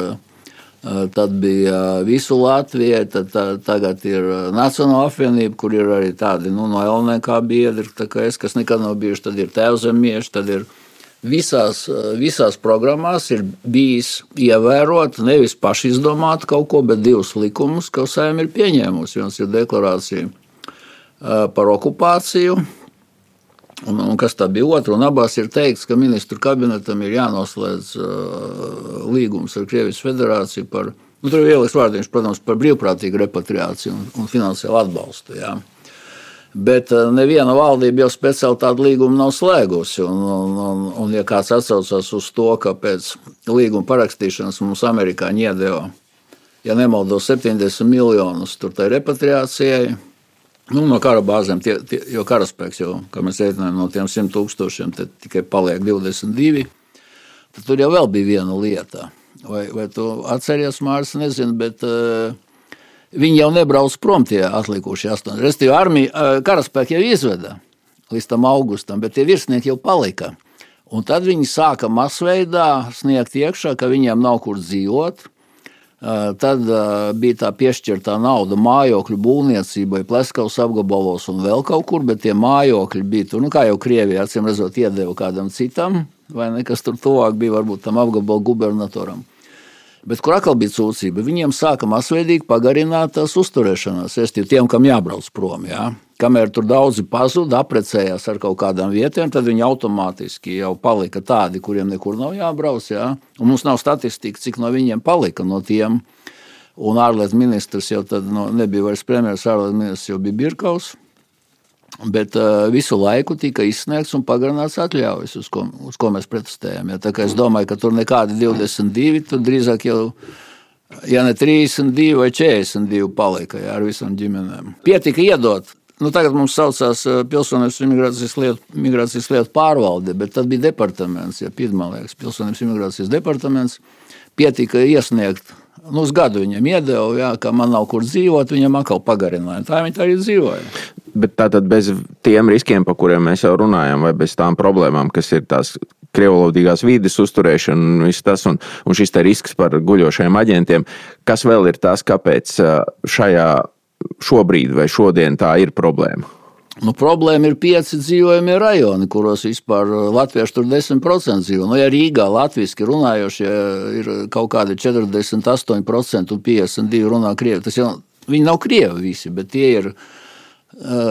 Lai nebūtu kāds jāapvaino, tie būtu tie bijušie PSRS pilsoņi, kuri dzīvo šajā mazajā Krievijā, kā jau teicu, ar savām bankām, ar savām skolām. Mēs varam pieņemt, te, ka latviešu Eh, un es ar tur atbalstu Lienas eh, Langas teiksim, kustību un to, bet nu, aizbrauciet uz Bolderu un pasakiet, ka, ka, ka mums ir pieņemts lēmums, ja, ka tagad visiem jārunā latviešu, vai, vai aizbrauciet uz eh, Imantu, teiksim, atsevišķiem rajoniem. Šodien, šodien bija tur Nīsgals, tepat aiz degvielu tiltu iebraucis tajā rajonā, jā, un tur man vajadzēja atrast vienu, vienu māju, kas tur nu, tās modernās juku jukām saceltas kaut kādas, tad neviens nesaprata, ko es prasu. Nu, tur ne jau angliski viņa runāja. Vispār brīnījās, ka, tā, ka iekūlies. Tas ir kā, kaut kādā, nu, kas ir tās uh, nogoja, kā viņas tur sauc, tās neejamās ielas arī Stokholmā. Viņš esmu brīnījās, kur tādā rajonā skaistā ir iekūlies kaut kāds. Vai neviens pazina, un viņš saka, ja vas ir video. Kur, vai ne? Un tad tā baigi nāca man līdzi. Nu, jā, jā e, e, e, nu zinu, kas, par, kas tas ir. Tā veikala, jā, jā, jā tur bija televīzija redzējis kaut, kaut kur, jā. jā. Tā kā te ir ļoti vienkārši, restīvi, e, nekāda, nu, un Rīga ir vienīgā galvaspilsēta, man liekas, Eiropā. Ja, ja, ja, ja, ja atsaucās uz Luksemburgu, tas nebūtu pareizi, vai ne, kur ir starptautiskie, teiksim, no nu, Brisele, kur ir tur dažādi institūti starptautiskie. Rīga ir vienīgā galvaspilsēta, kur pamat iedzīvotāji dabīgā veidā, ja, ja neskait ārzemnieks, viņi ir Viņi nav sasnieguši vēl 50%. Tā tad es drusku atgādināšu, ka mēs esam ne, ne, varbūt precīzi neapzinoties to pagājušā gada mūsu raidījuma uzstādījumos par okupācijas pieminekli, prasot paskaidrot, kas tas ir, kur tas ir. Mēs kolēģi no frakcijas Rihardu Kolte diezgan Jā, patirpinājām toreiz. Mums toreiz šķita, ka, piespiedām pie sienas uh, Rihardu, un, un viņš uh, stāstīja savas versijas, kā tur ar to okupekli tik galā, un mēs bijām ļoti uh, skeptiski par to, ka to var atrisināt tādā, tajā juridiskajā ceļā ar, tiem, ar to līgumu, kaut kādu denoncēšanu Jā. vai atcelšanu vai, vai kaut ko tam līdzīgu. Un tagad nu, mēs esam pie līdzīgas situācijas. Vai Jā, mēs varam iekāpt tajā pašā upē vai kā? Tas ir svarīgi, ka tas ir tas pats līgums, jo tā okupekļa it kā neaizskaramība balstījās uz šī līguma 13. pantu. Proti, saskaņā ar starptautisko praksi Latvijas puse nodrošina memoriālo būvju un karavīru masu apbadījumu vietu sakopšanu, labo iekārtošanu, saglabāšanu, kā arī neliek šķēršļus militāro pensionāru, viņa ģimenes locekļu un tā tālāk. Tā tālāk. Un tad izrādījās, ka pēc spridzināšanas, kurš tas bija 97. gadsimts, ka Valdis Birkaus, kā ārlietu ministrs, bija uh, paskaidrojis Krievijas pusē, ka šī 13. panta. Parakstīs viņam atsūtīto tekstu no vēstniecības. Uh, ka, ka tas šeit ir iekšā domāts. Un līdz ar to tika izveidota leģenda par to, ka šis līgums aizsargā šo okupekli. Un to mēs pakāpeniski lokot un pakojot vaļā, noskaidrojam, ka tas tomēr ir vairāk nevis līgums, bet birkaus. Es pievērsīšu uzmanību, ka Valdis Birkaus pēc tam, kad ā, krita viņa valdība, ieņēma ārlietu ministru amatu un ir ieņēmis šo amatu vēl piecās valdībās. Un tagad iedomājieties, godātie klausītāji, ka jums ir kaut kāds lauku rūpnīciņa, kurai mainās direktors ik pa pusgadam vai gadam. Un ir viens garāžas priekšnieks, kas ir pārsēdējis piecus direktorus. Tā kurš būs priekšnieks pa mašīnām? Direktors vai tas garāžas priekšnieks, kas pazīst katru šoferu, katru mašīnu, katru uh, um, riepu, tā sakot, katru beigto akumulātoru. Ja?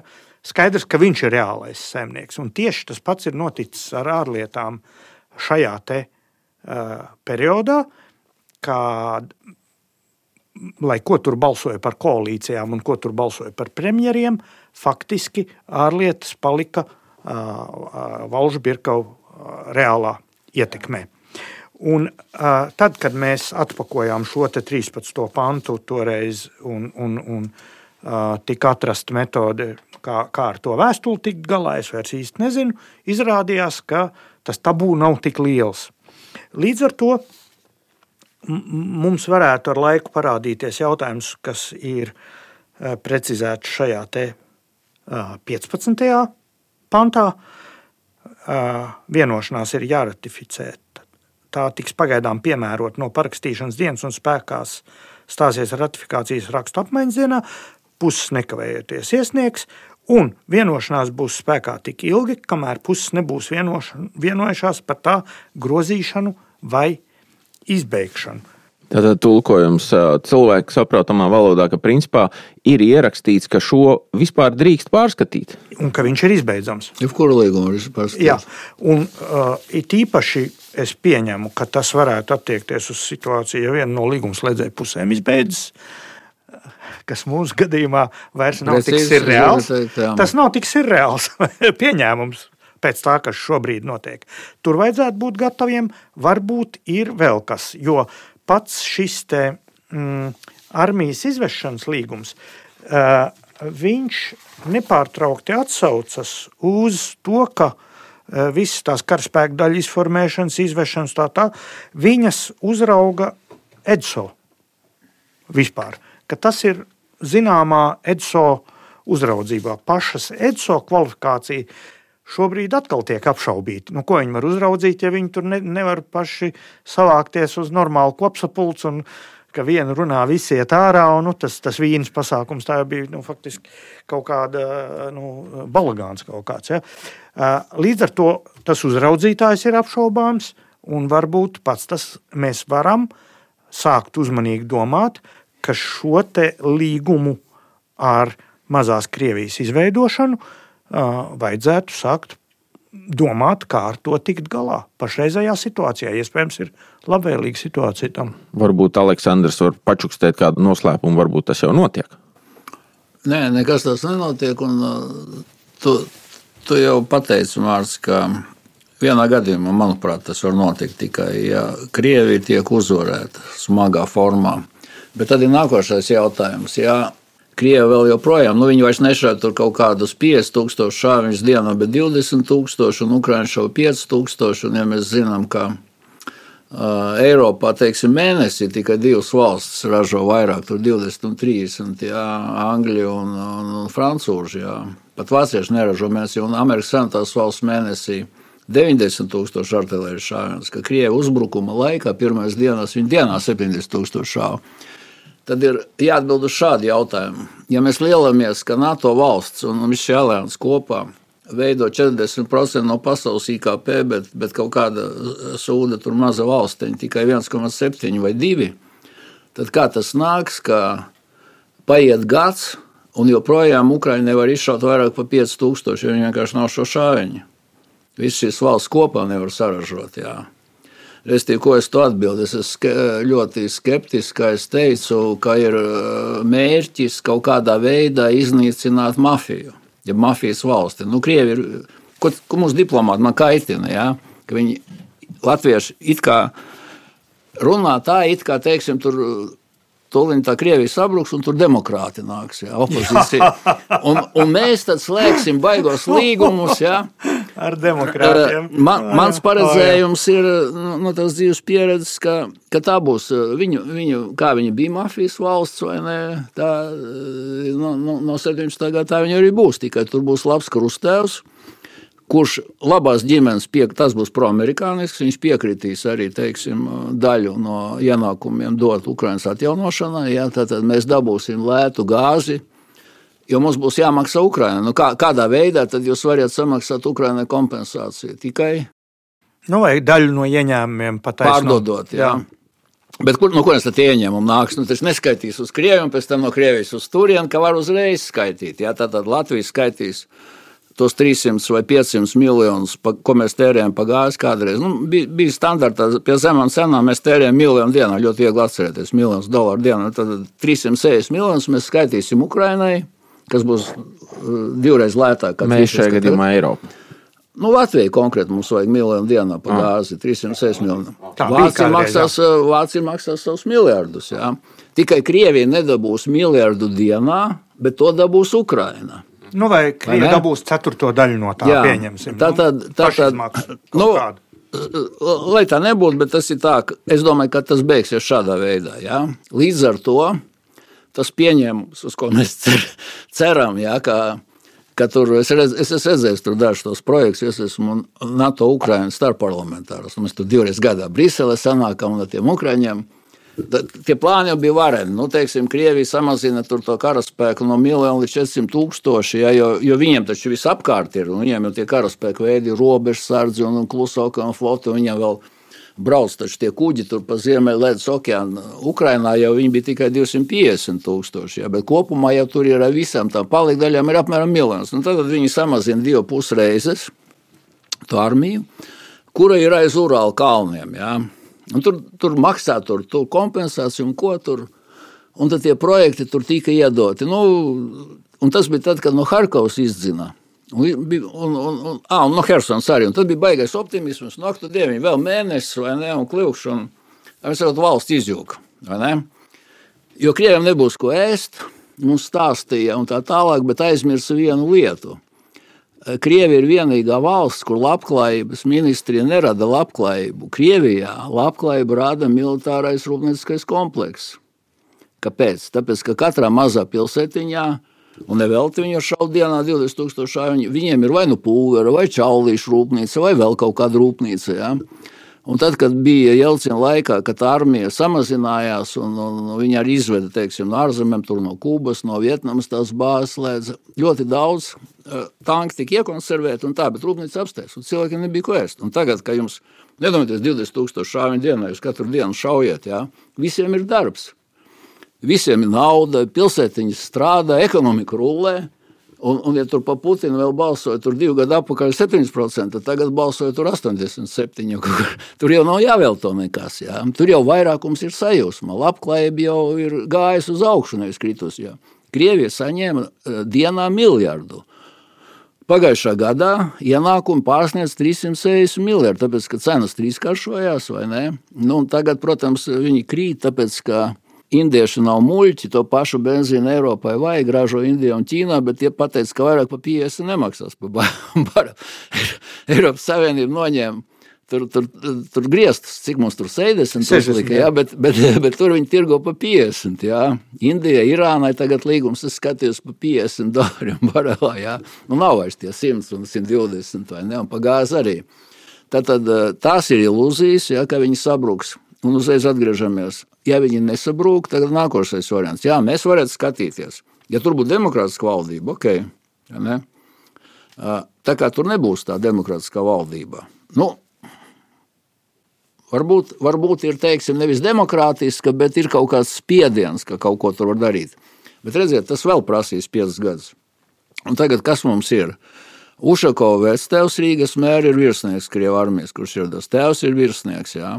Dēls ir naturalizēts Eiropas Savienības pilsonis, Eiropas parlamenta deputāts, kurš kļūdams par pilsoni zvērēja aizstāvēt latviešu valodu, kas viņam netraucēja piedalīties referendumā. Mēs pat nespējām anulēt tiem cilvēkiem pilsonību.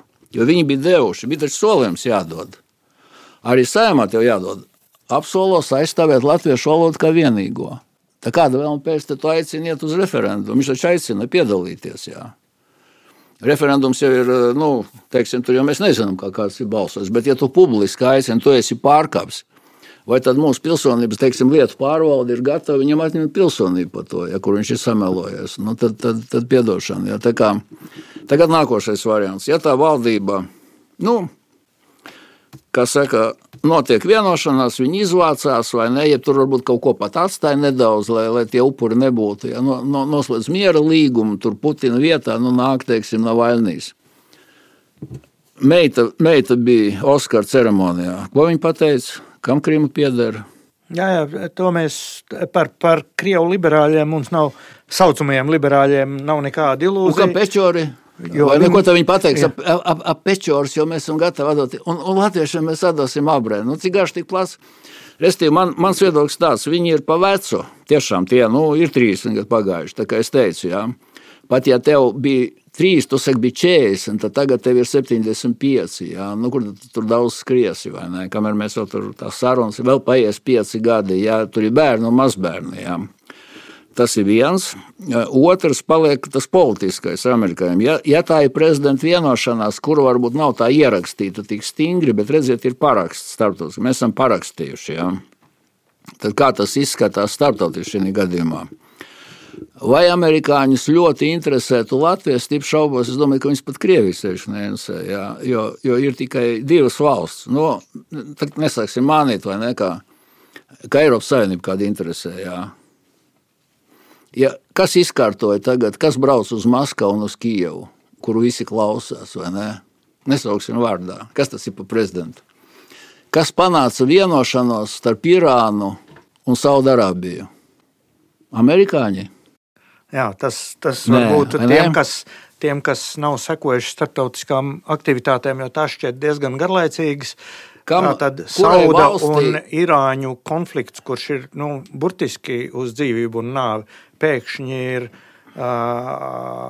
nokušināts līdz diplomātisko um, attiecību atjaunošanai, iejūtīgā prezidenta šī vadībā vai uzraudzībā. Vai? Jā, Par, par gaišo Krievijas nākotni ļoti skaista Odesīta anekdote bija parādījusies.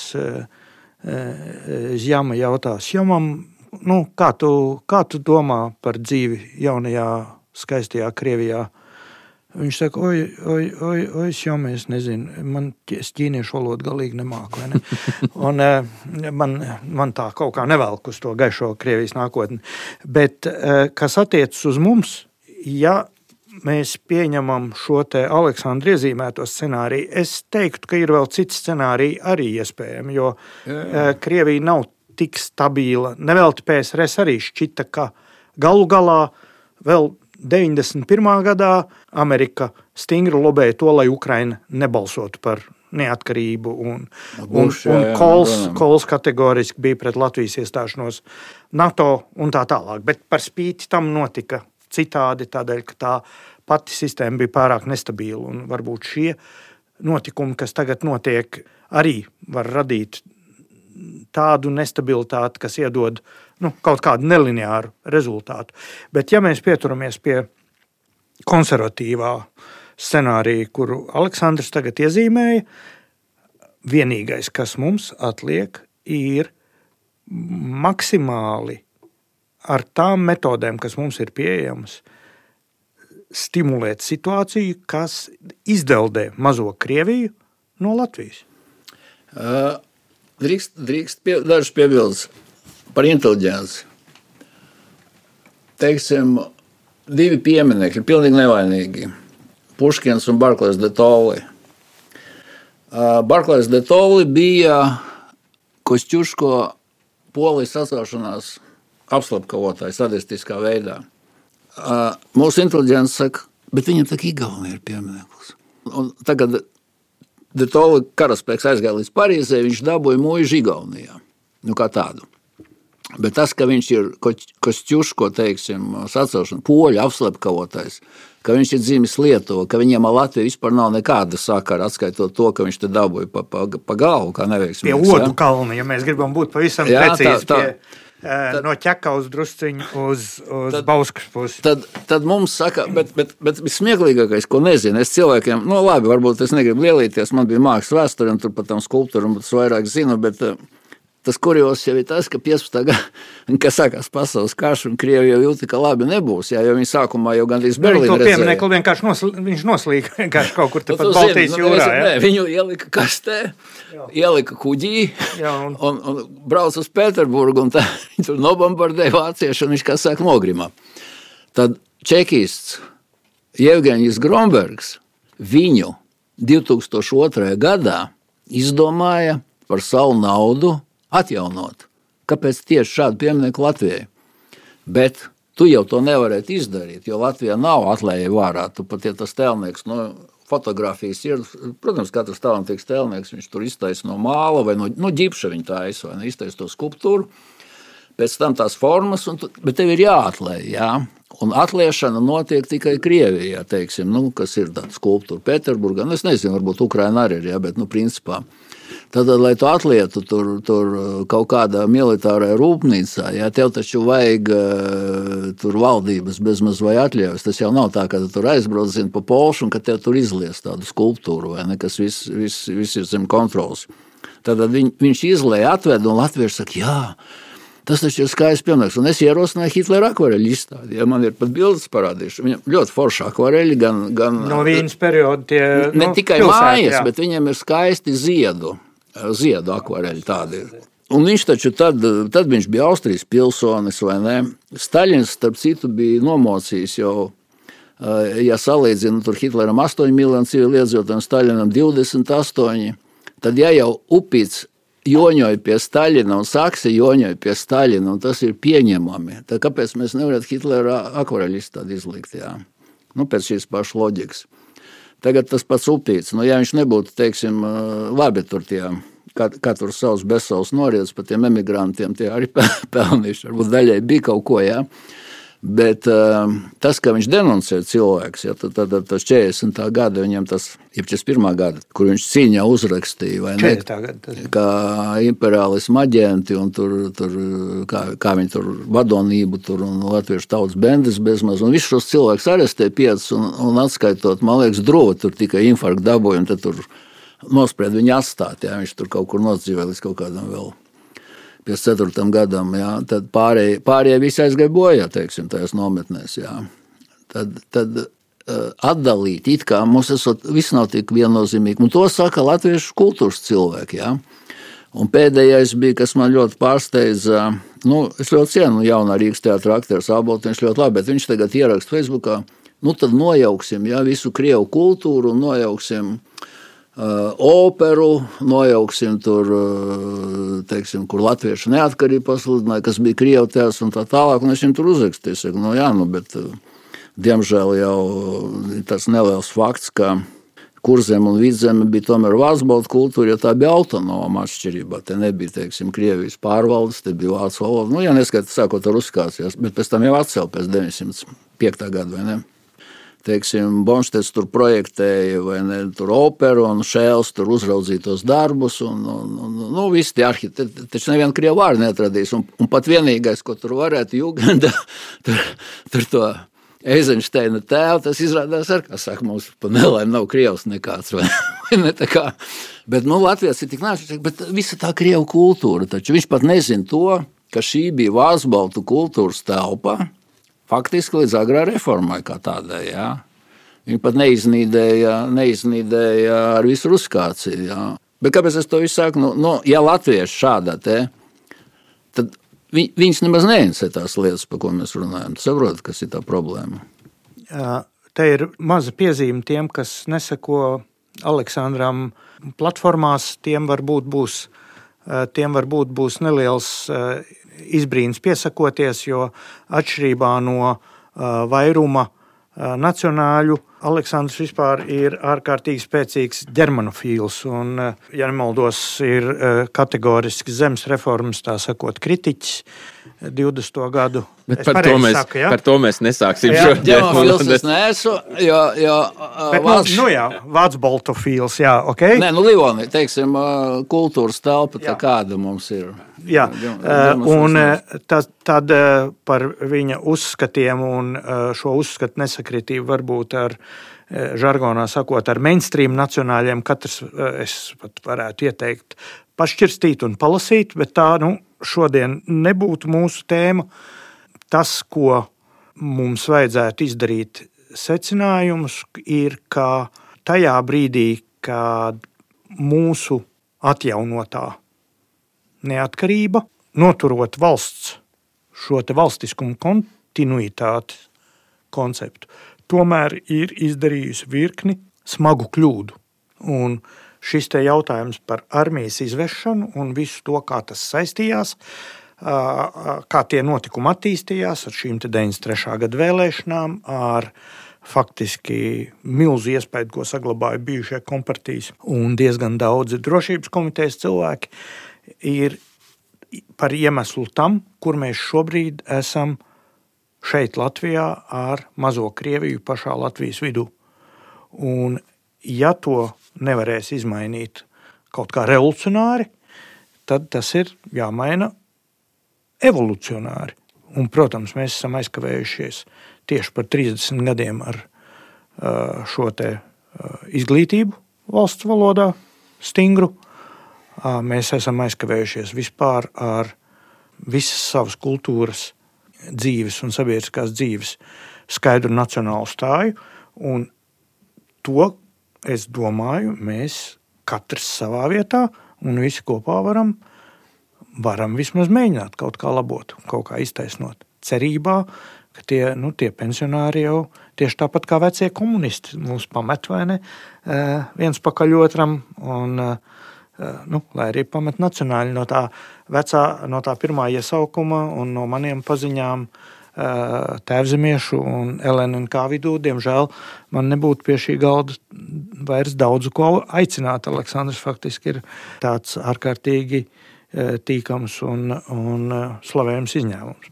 Bet savukārt, tad apaļojot un varbūt tā mēģinot rezumēt to sarunu, vai es pareizi sapratu, Aleksandr, jūsu viedoklis ir, ka šobrīd kaut kādā veidā juridiski eh, darboties ap šo līgumu, nezinu, nu, tur, nezinu, parlamentā vai kur gatavot, pieņemsim projektu, kurš tur stāv uz plaukta gatavībā, tad iedos tam parakstītam Navaļņiem, ka viņš tur tajā Kremlī pirmajā dienā atradīsies vai kaut tam līdzīgi, ka nav liela jēga tieši tāpēc, ka jūs neredzat tādu tā kā nepieciešamību pašā, eh, nu, nezinu, publikā, tautā pēc šī? Nu, tur, tur ir nopietnāka problēma. Nu, tur nav jēga atdalīt, jo palika, mums ir precīzi cipari, ja tad 700 tūkstoši palika. Vislielākais aizbraukšo skaits. Nu, PSS pilsoņi, kas šajā telpā negribēja dzīvot, es viņu saucu teiksim, par svešu ģeopolitisku telpu, Eiropiešu. Tur jau nu, Huntington un visi lasījuši un tā tālāk. Ja. Uh, tikai 92. gadā aizbrauc 9000, pēc tam jau kaut kad 50, un viss tā aizbraukšana apstājās. Ja. Un tad ir otra lieta, ir it kā no dzimstība tiek skaitīti kopā, bet starp jaundzimušajiem latviešu 72%. Nu, visi priecājas, ka tas ir kaut kas baigi labi, bet, bet tie, kas atkal palasīs teiksim, tādus rakstus par demogrāfiju, zem 80 tiek uzskatīts kā, kā iznīkšana. Jā, tā kā, tādas valsts kā Polija, kur ir pār pa 90, un, un pat Krievija, nu labi, tur Krievija, tur viņi visi tur pa Krieviju uzskata, viņam tur 80 kaut kā 4, ja, bet ja mēs paskatāmies kā, kā, kā tādas valsts, teiksim, pat, pat Vācijā, jā, vācieši joprojām ir tur virs 80 kaut kādiem 5%. Jā, tā kā situācija ir savādāka, un manuprāt, pirmā nelaime ir tā, ka mums pat izglītot cilvēki saka, nu, pilnīgs ārprāts ir, kas saka divam kopienam. Jā, viņi uzskata, ka latvieši ir kopiena, nevis tauta. Ne? Un, bet teiksim, tie, kas kaut ko ir dzirdējuši, ka mēs neesam kopiena, iespējams, ka mēs esam tauta, viņi saka, nu, mums tā kā jātuvinās būt. Jā. Un nesaprot vienu, ka dum, pēc Dumsdorfā vēl 19. gadsimta sākumā tagadējās Latvijas teritorijas, ieskaitot Daugopilu, kas ir Dienaburgu un, un tos rajonus, Krievi bija tikai 0,6%. Jā. Bija vācieši pār pa seši, teiksim, poļi, tur kaut kādi trīs ap pusi lietuvieši, jā, bet, bet krievi vispār kā tādi nebija. Un pat, pat ņemot vērā to, ko es teicu, mieru līgumu, tad te jau pārsvarā atskrēja ne jau latvieši, tie jau tur palika nu, kreisajā vai ne karjeru taisīt, un, un 200 cik tur tūkstoši nu, žīdi. Bet um, problēma ir tā, ka tādi gudrāki saka, nu, ka mums tā kā jātuvinās, jā, restīvi.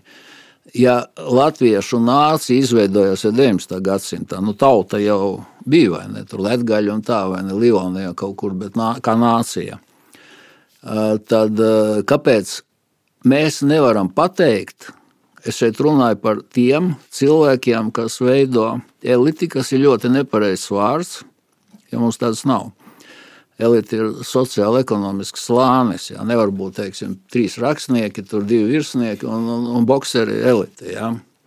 Elite e, šeit bija mužniecība.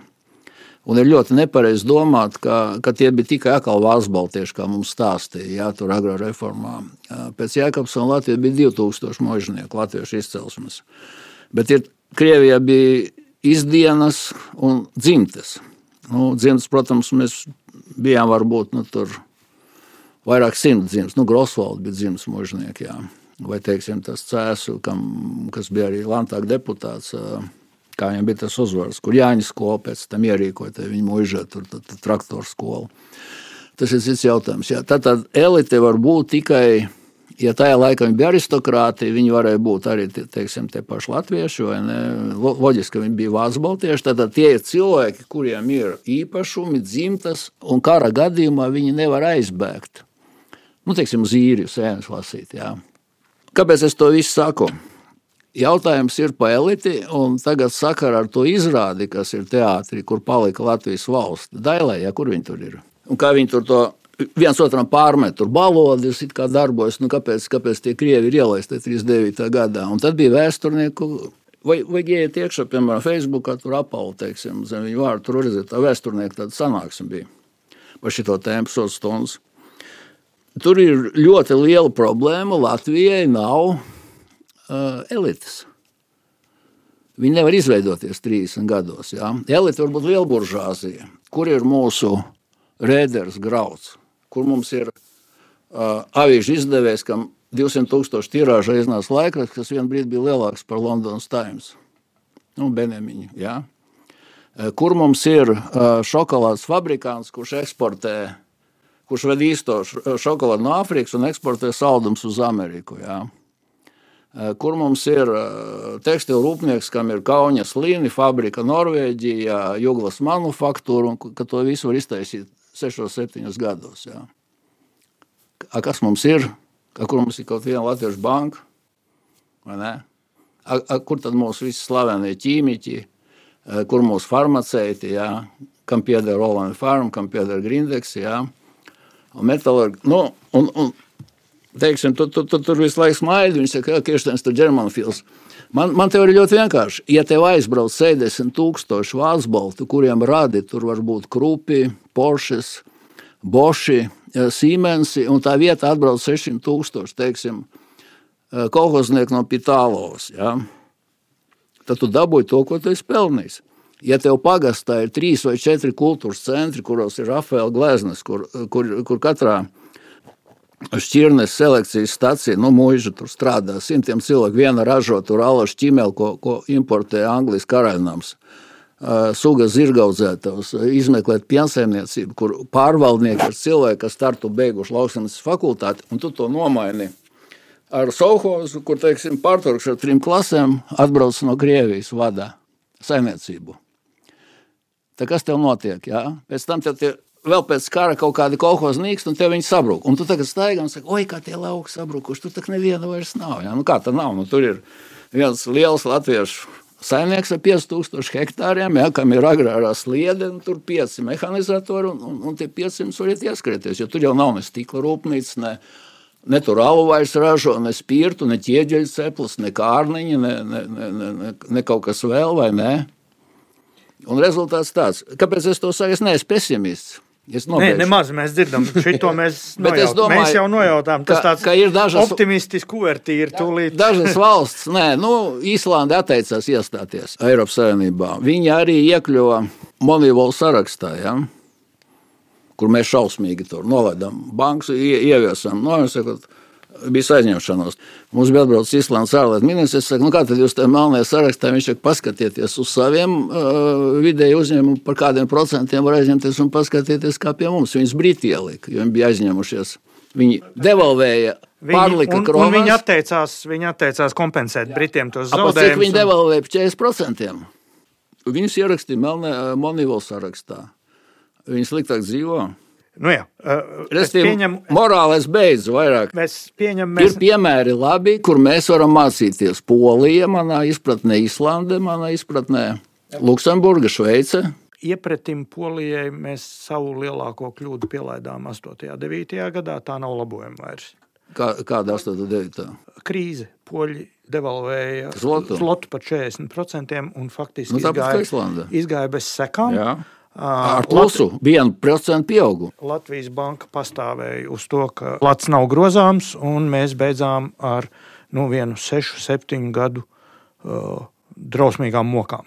Bet tas ir noticis. Fakts, tas vairs nav grozāms. Tur polijas piemērs, lai mums paliek vienkārši tādai nu, atmiņai. Konkrēti mēs neko tur vairs. Mēs esam šajā situācijā. Mēs esam ar depopulācija laukos. Mēs esam ar purciem un pļauniekiem, tādi kādi viņi ir. Un pēc tavas e, hipotēzes, pēc tavas scenārija, slikto krievu ģimeni pie stūres nomainīs mēreni labāka vai sarunājamāka krievu ģimene. Kontrolē mafija.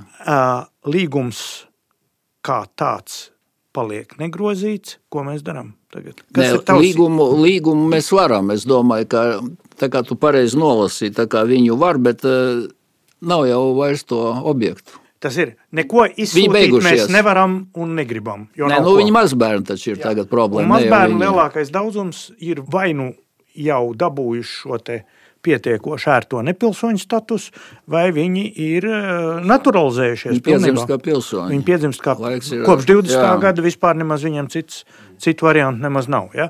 Tā tad uh, šajā te vidē būs jādzīvo nu, vienai vai divām paudzēm.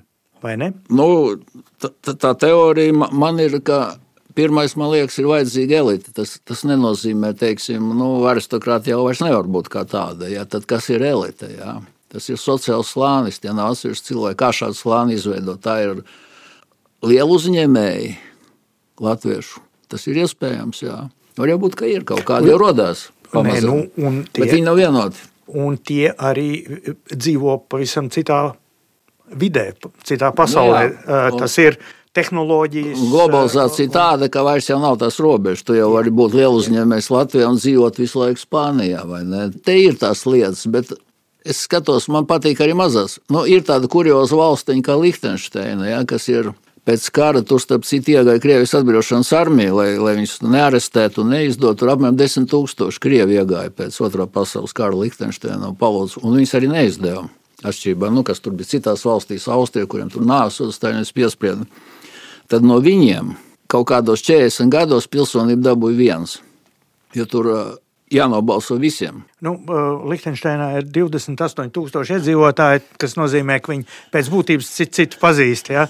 E, man ir bijusi, es pazinu Liechtensteinas parlamentu priekšstādātāju personīgi. Jā, jā, nu, un man tā viņa politika ir. Un, un man liekas, ka tur bija tā, ka pat ja tauta nobalso, Firsts var beigās atcelt to lēmumu. Jā, tā, jo viņa, tā, tā ir monarhija, tā ir gal galā. Parlamentā ir 28 deputāti pa vienam uz katru tūkstoti. Um, Liechtensteinas paraugs mums īsti acīm redzot nederēs mums varētu būt, ka tad ir jākonstruē savs ceļš, kurš īstenībā jāsāk ar, nu, ar situācijas apzināšanos. Nē, no, pašapziņas stiprināšanu. Redz, jūs uztaisiet vienu raidījumu, kā tas nācās, ka 30 gados netika ieviesta latviešu valoda skolās. Jā. Piebaus, ka bija ministrs, un uh, viņi nomainīja Vaivats, man liekas, pēc tam ja, bija otrādi. Man, man tur aizmirsies. Es atceros, ka piebalgam mēs prasījām, nu, kad tad pāriesim uz Latvijas skolām, un viņi atbildēja, starp citu, man pierakstīt kaut kā nejauši. Viņš teica, nu, uzreiz mēs nevaram, vajadzēs vienu vai divus gadus. Uz šīs optimistiskās nots, tas kā, kā mūsdienu internetu vidē pieņemts, ka raidījuma viesis vai video varonis iedod piespēli, pasaka, par ko kuram nākamajam vajadzētu uztaisīt to pašu, ko viņš izdarīja, vai kuram nākamajam vajag pajautāt to pašu, ko man pajautāja. Es domāju, mums šī saruna, kur nu patās jau ir divas stundas, un, un ļoti interesantā saruna, no kuras jūs dzirdēsiet lielāko daļu droši vien raidījumā, ir, ir, ir, ir pagaidām jāsaka paldies Aleksandram par pacietību un par ļoti skaidro runu. Tas ir tiešām apbrīnojami. Paldies, Aleksandr! un izteikt cerību, ka kā, kā lai saka, na, tu esi Nacionālās apvienības biedrs tagad, Aleksandrs, kāds ir tehniski formāli? Nu, es tā kā tur viens no LNK tur esmu. Tomēr, jā. nu jā, es aicinātu. Nacionāls es esmu, jā. Ka varētu izteikt kaut kādu cerību, lai Nacionālās apvienības, nu, organizācija un frakcija un simpatizētāji censtos paņemt no Aleksandra to pieredzi un to stāju un erudīciju, kuras viņiem, manuprāt, stipri vien pietrūkst. Jo paļauties, ka Ušakovs apgaismotais atgriezīsies no Briseles un veidos mums te latvisku vidi un apkaros mazo Krieviju, tas tomēr būtu par daudz optimistiski. Mm. Labi, paldies par sarunu, kungi, un, līdz nākamajai reizei. Paldies, uz redzes! Ja tev patīk jautājums no provinces, tad esi laipni aicināts atbalstīt raidījuma veidošanu. Mūsu raidījumā nav politiskās aģitācijas, un tāpēc nav arī partiju naudas. Mēs raidījumu veidojam par saviem personīgajiem un klausītāju saziedotajiem līdzekļiem. Pat 5 vai 10 eiro palīdz, lai arī turpmāk Mārcis un Zintris var runāt par to, kas svarīgs mūsu provincē. Pogu, ko nospiest, lai dotu savu ārtavu raidījumu veidošanai, tu atradīsi šīs sērijas aprakstā.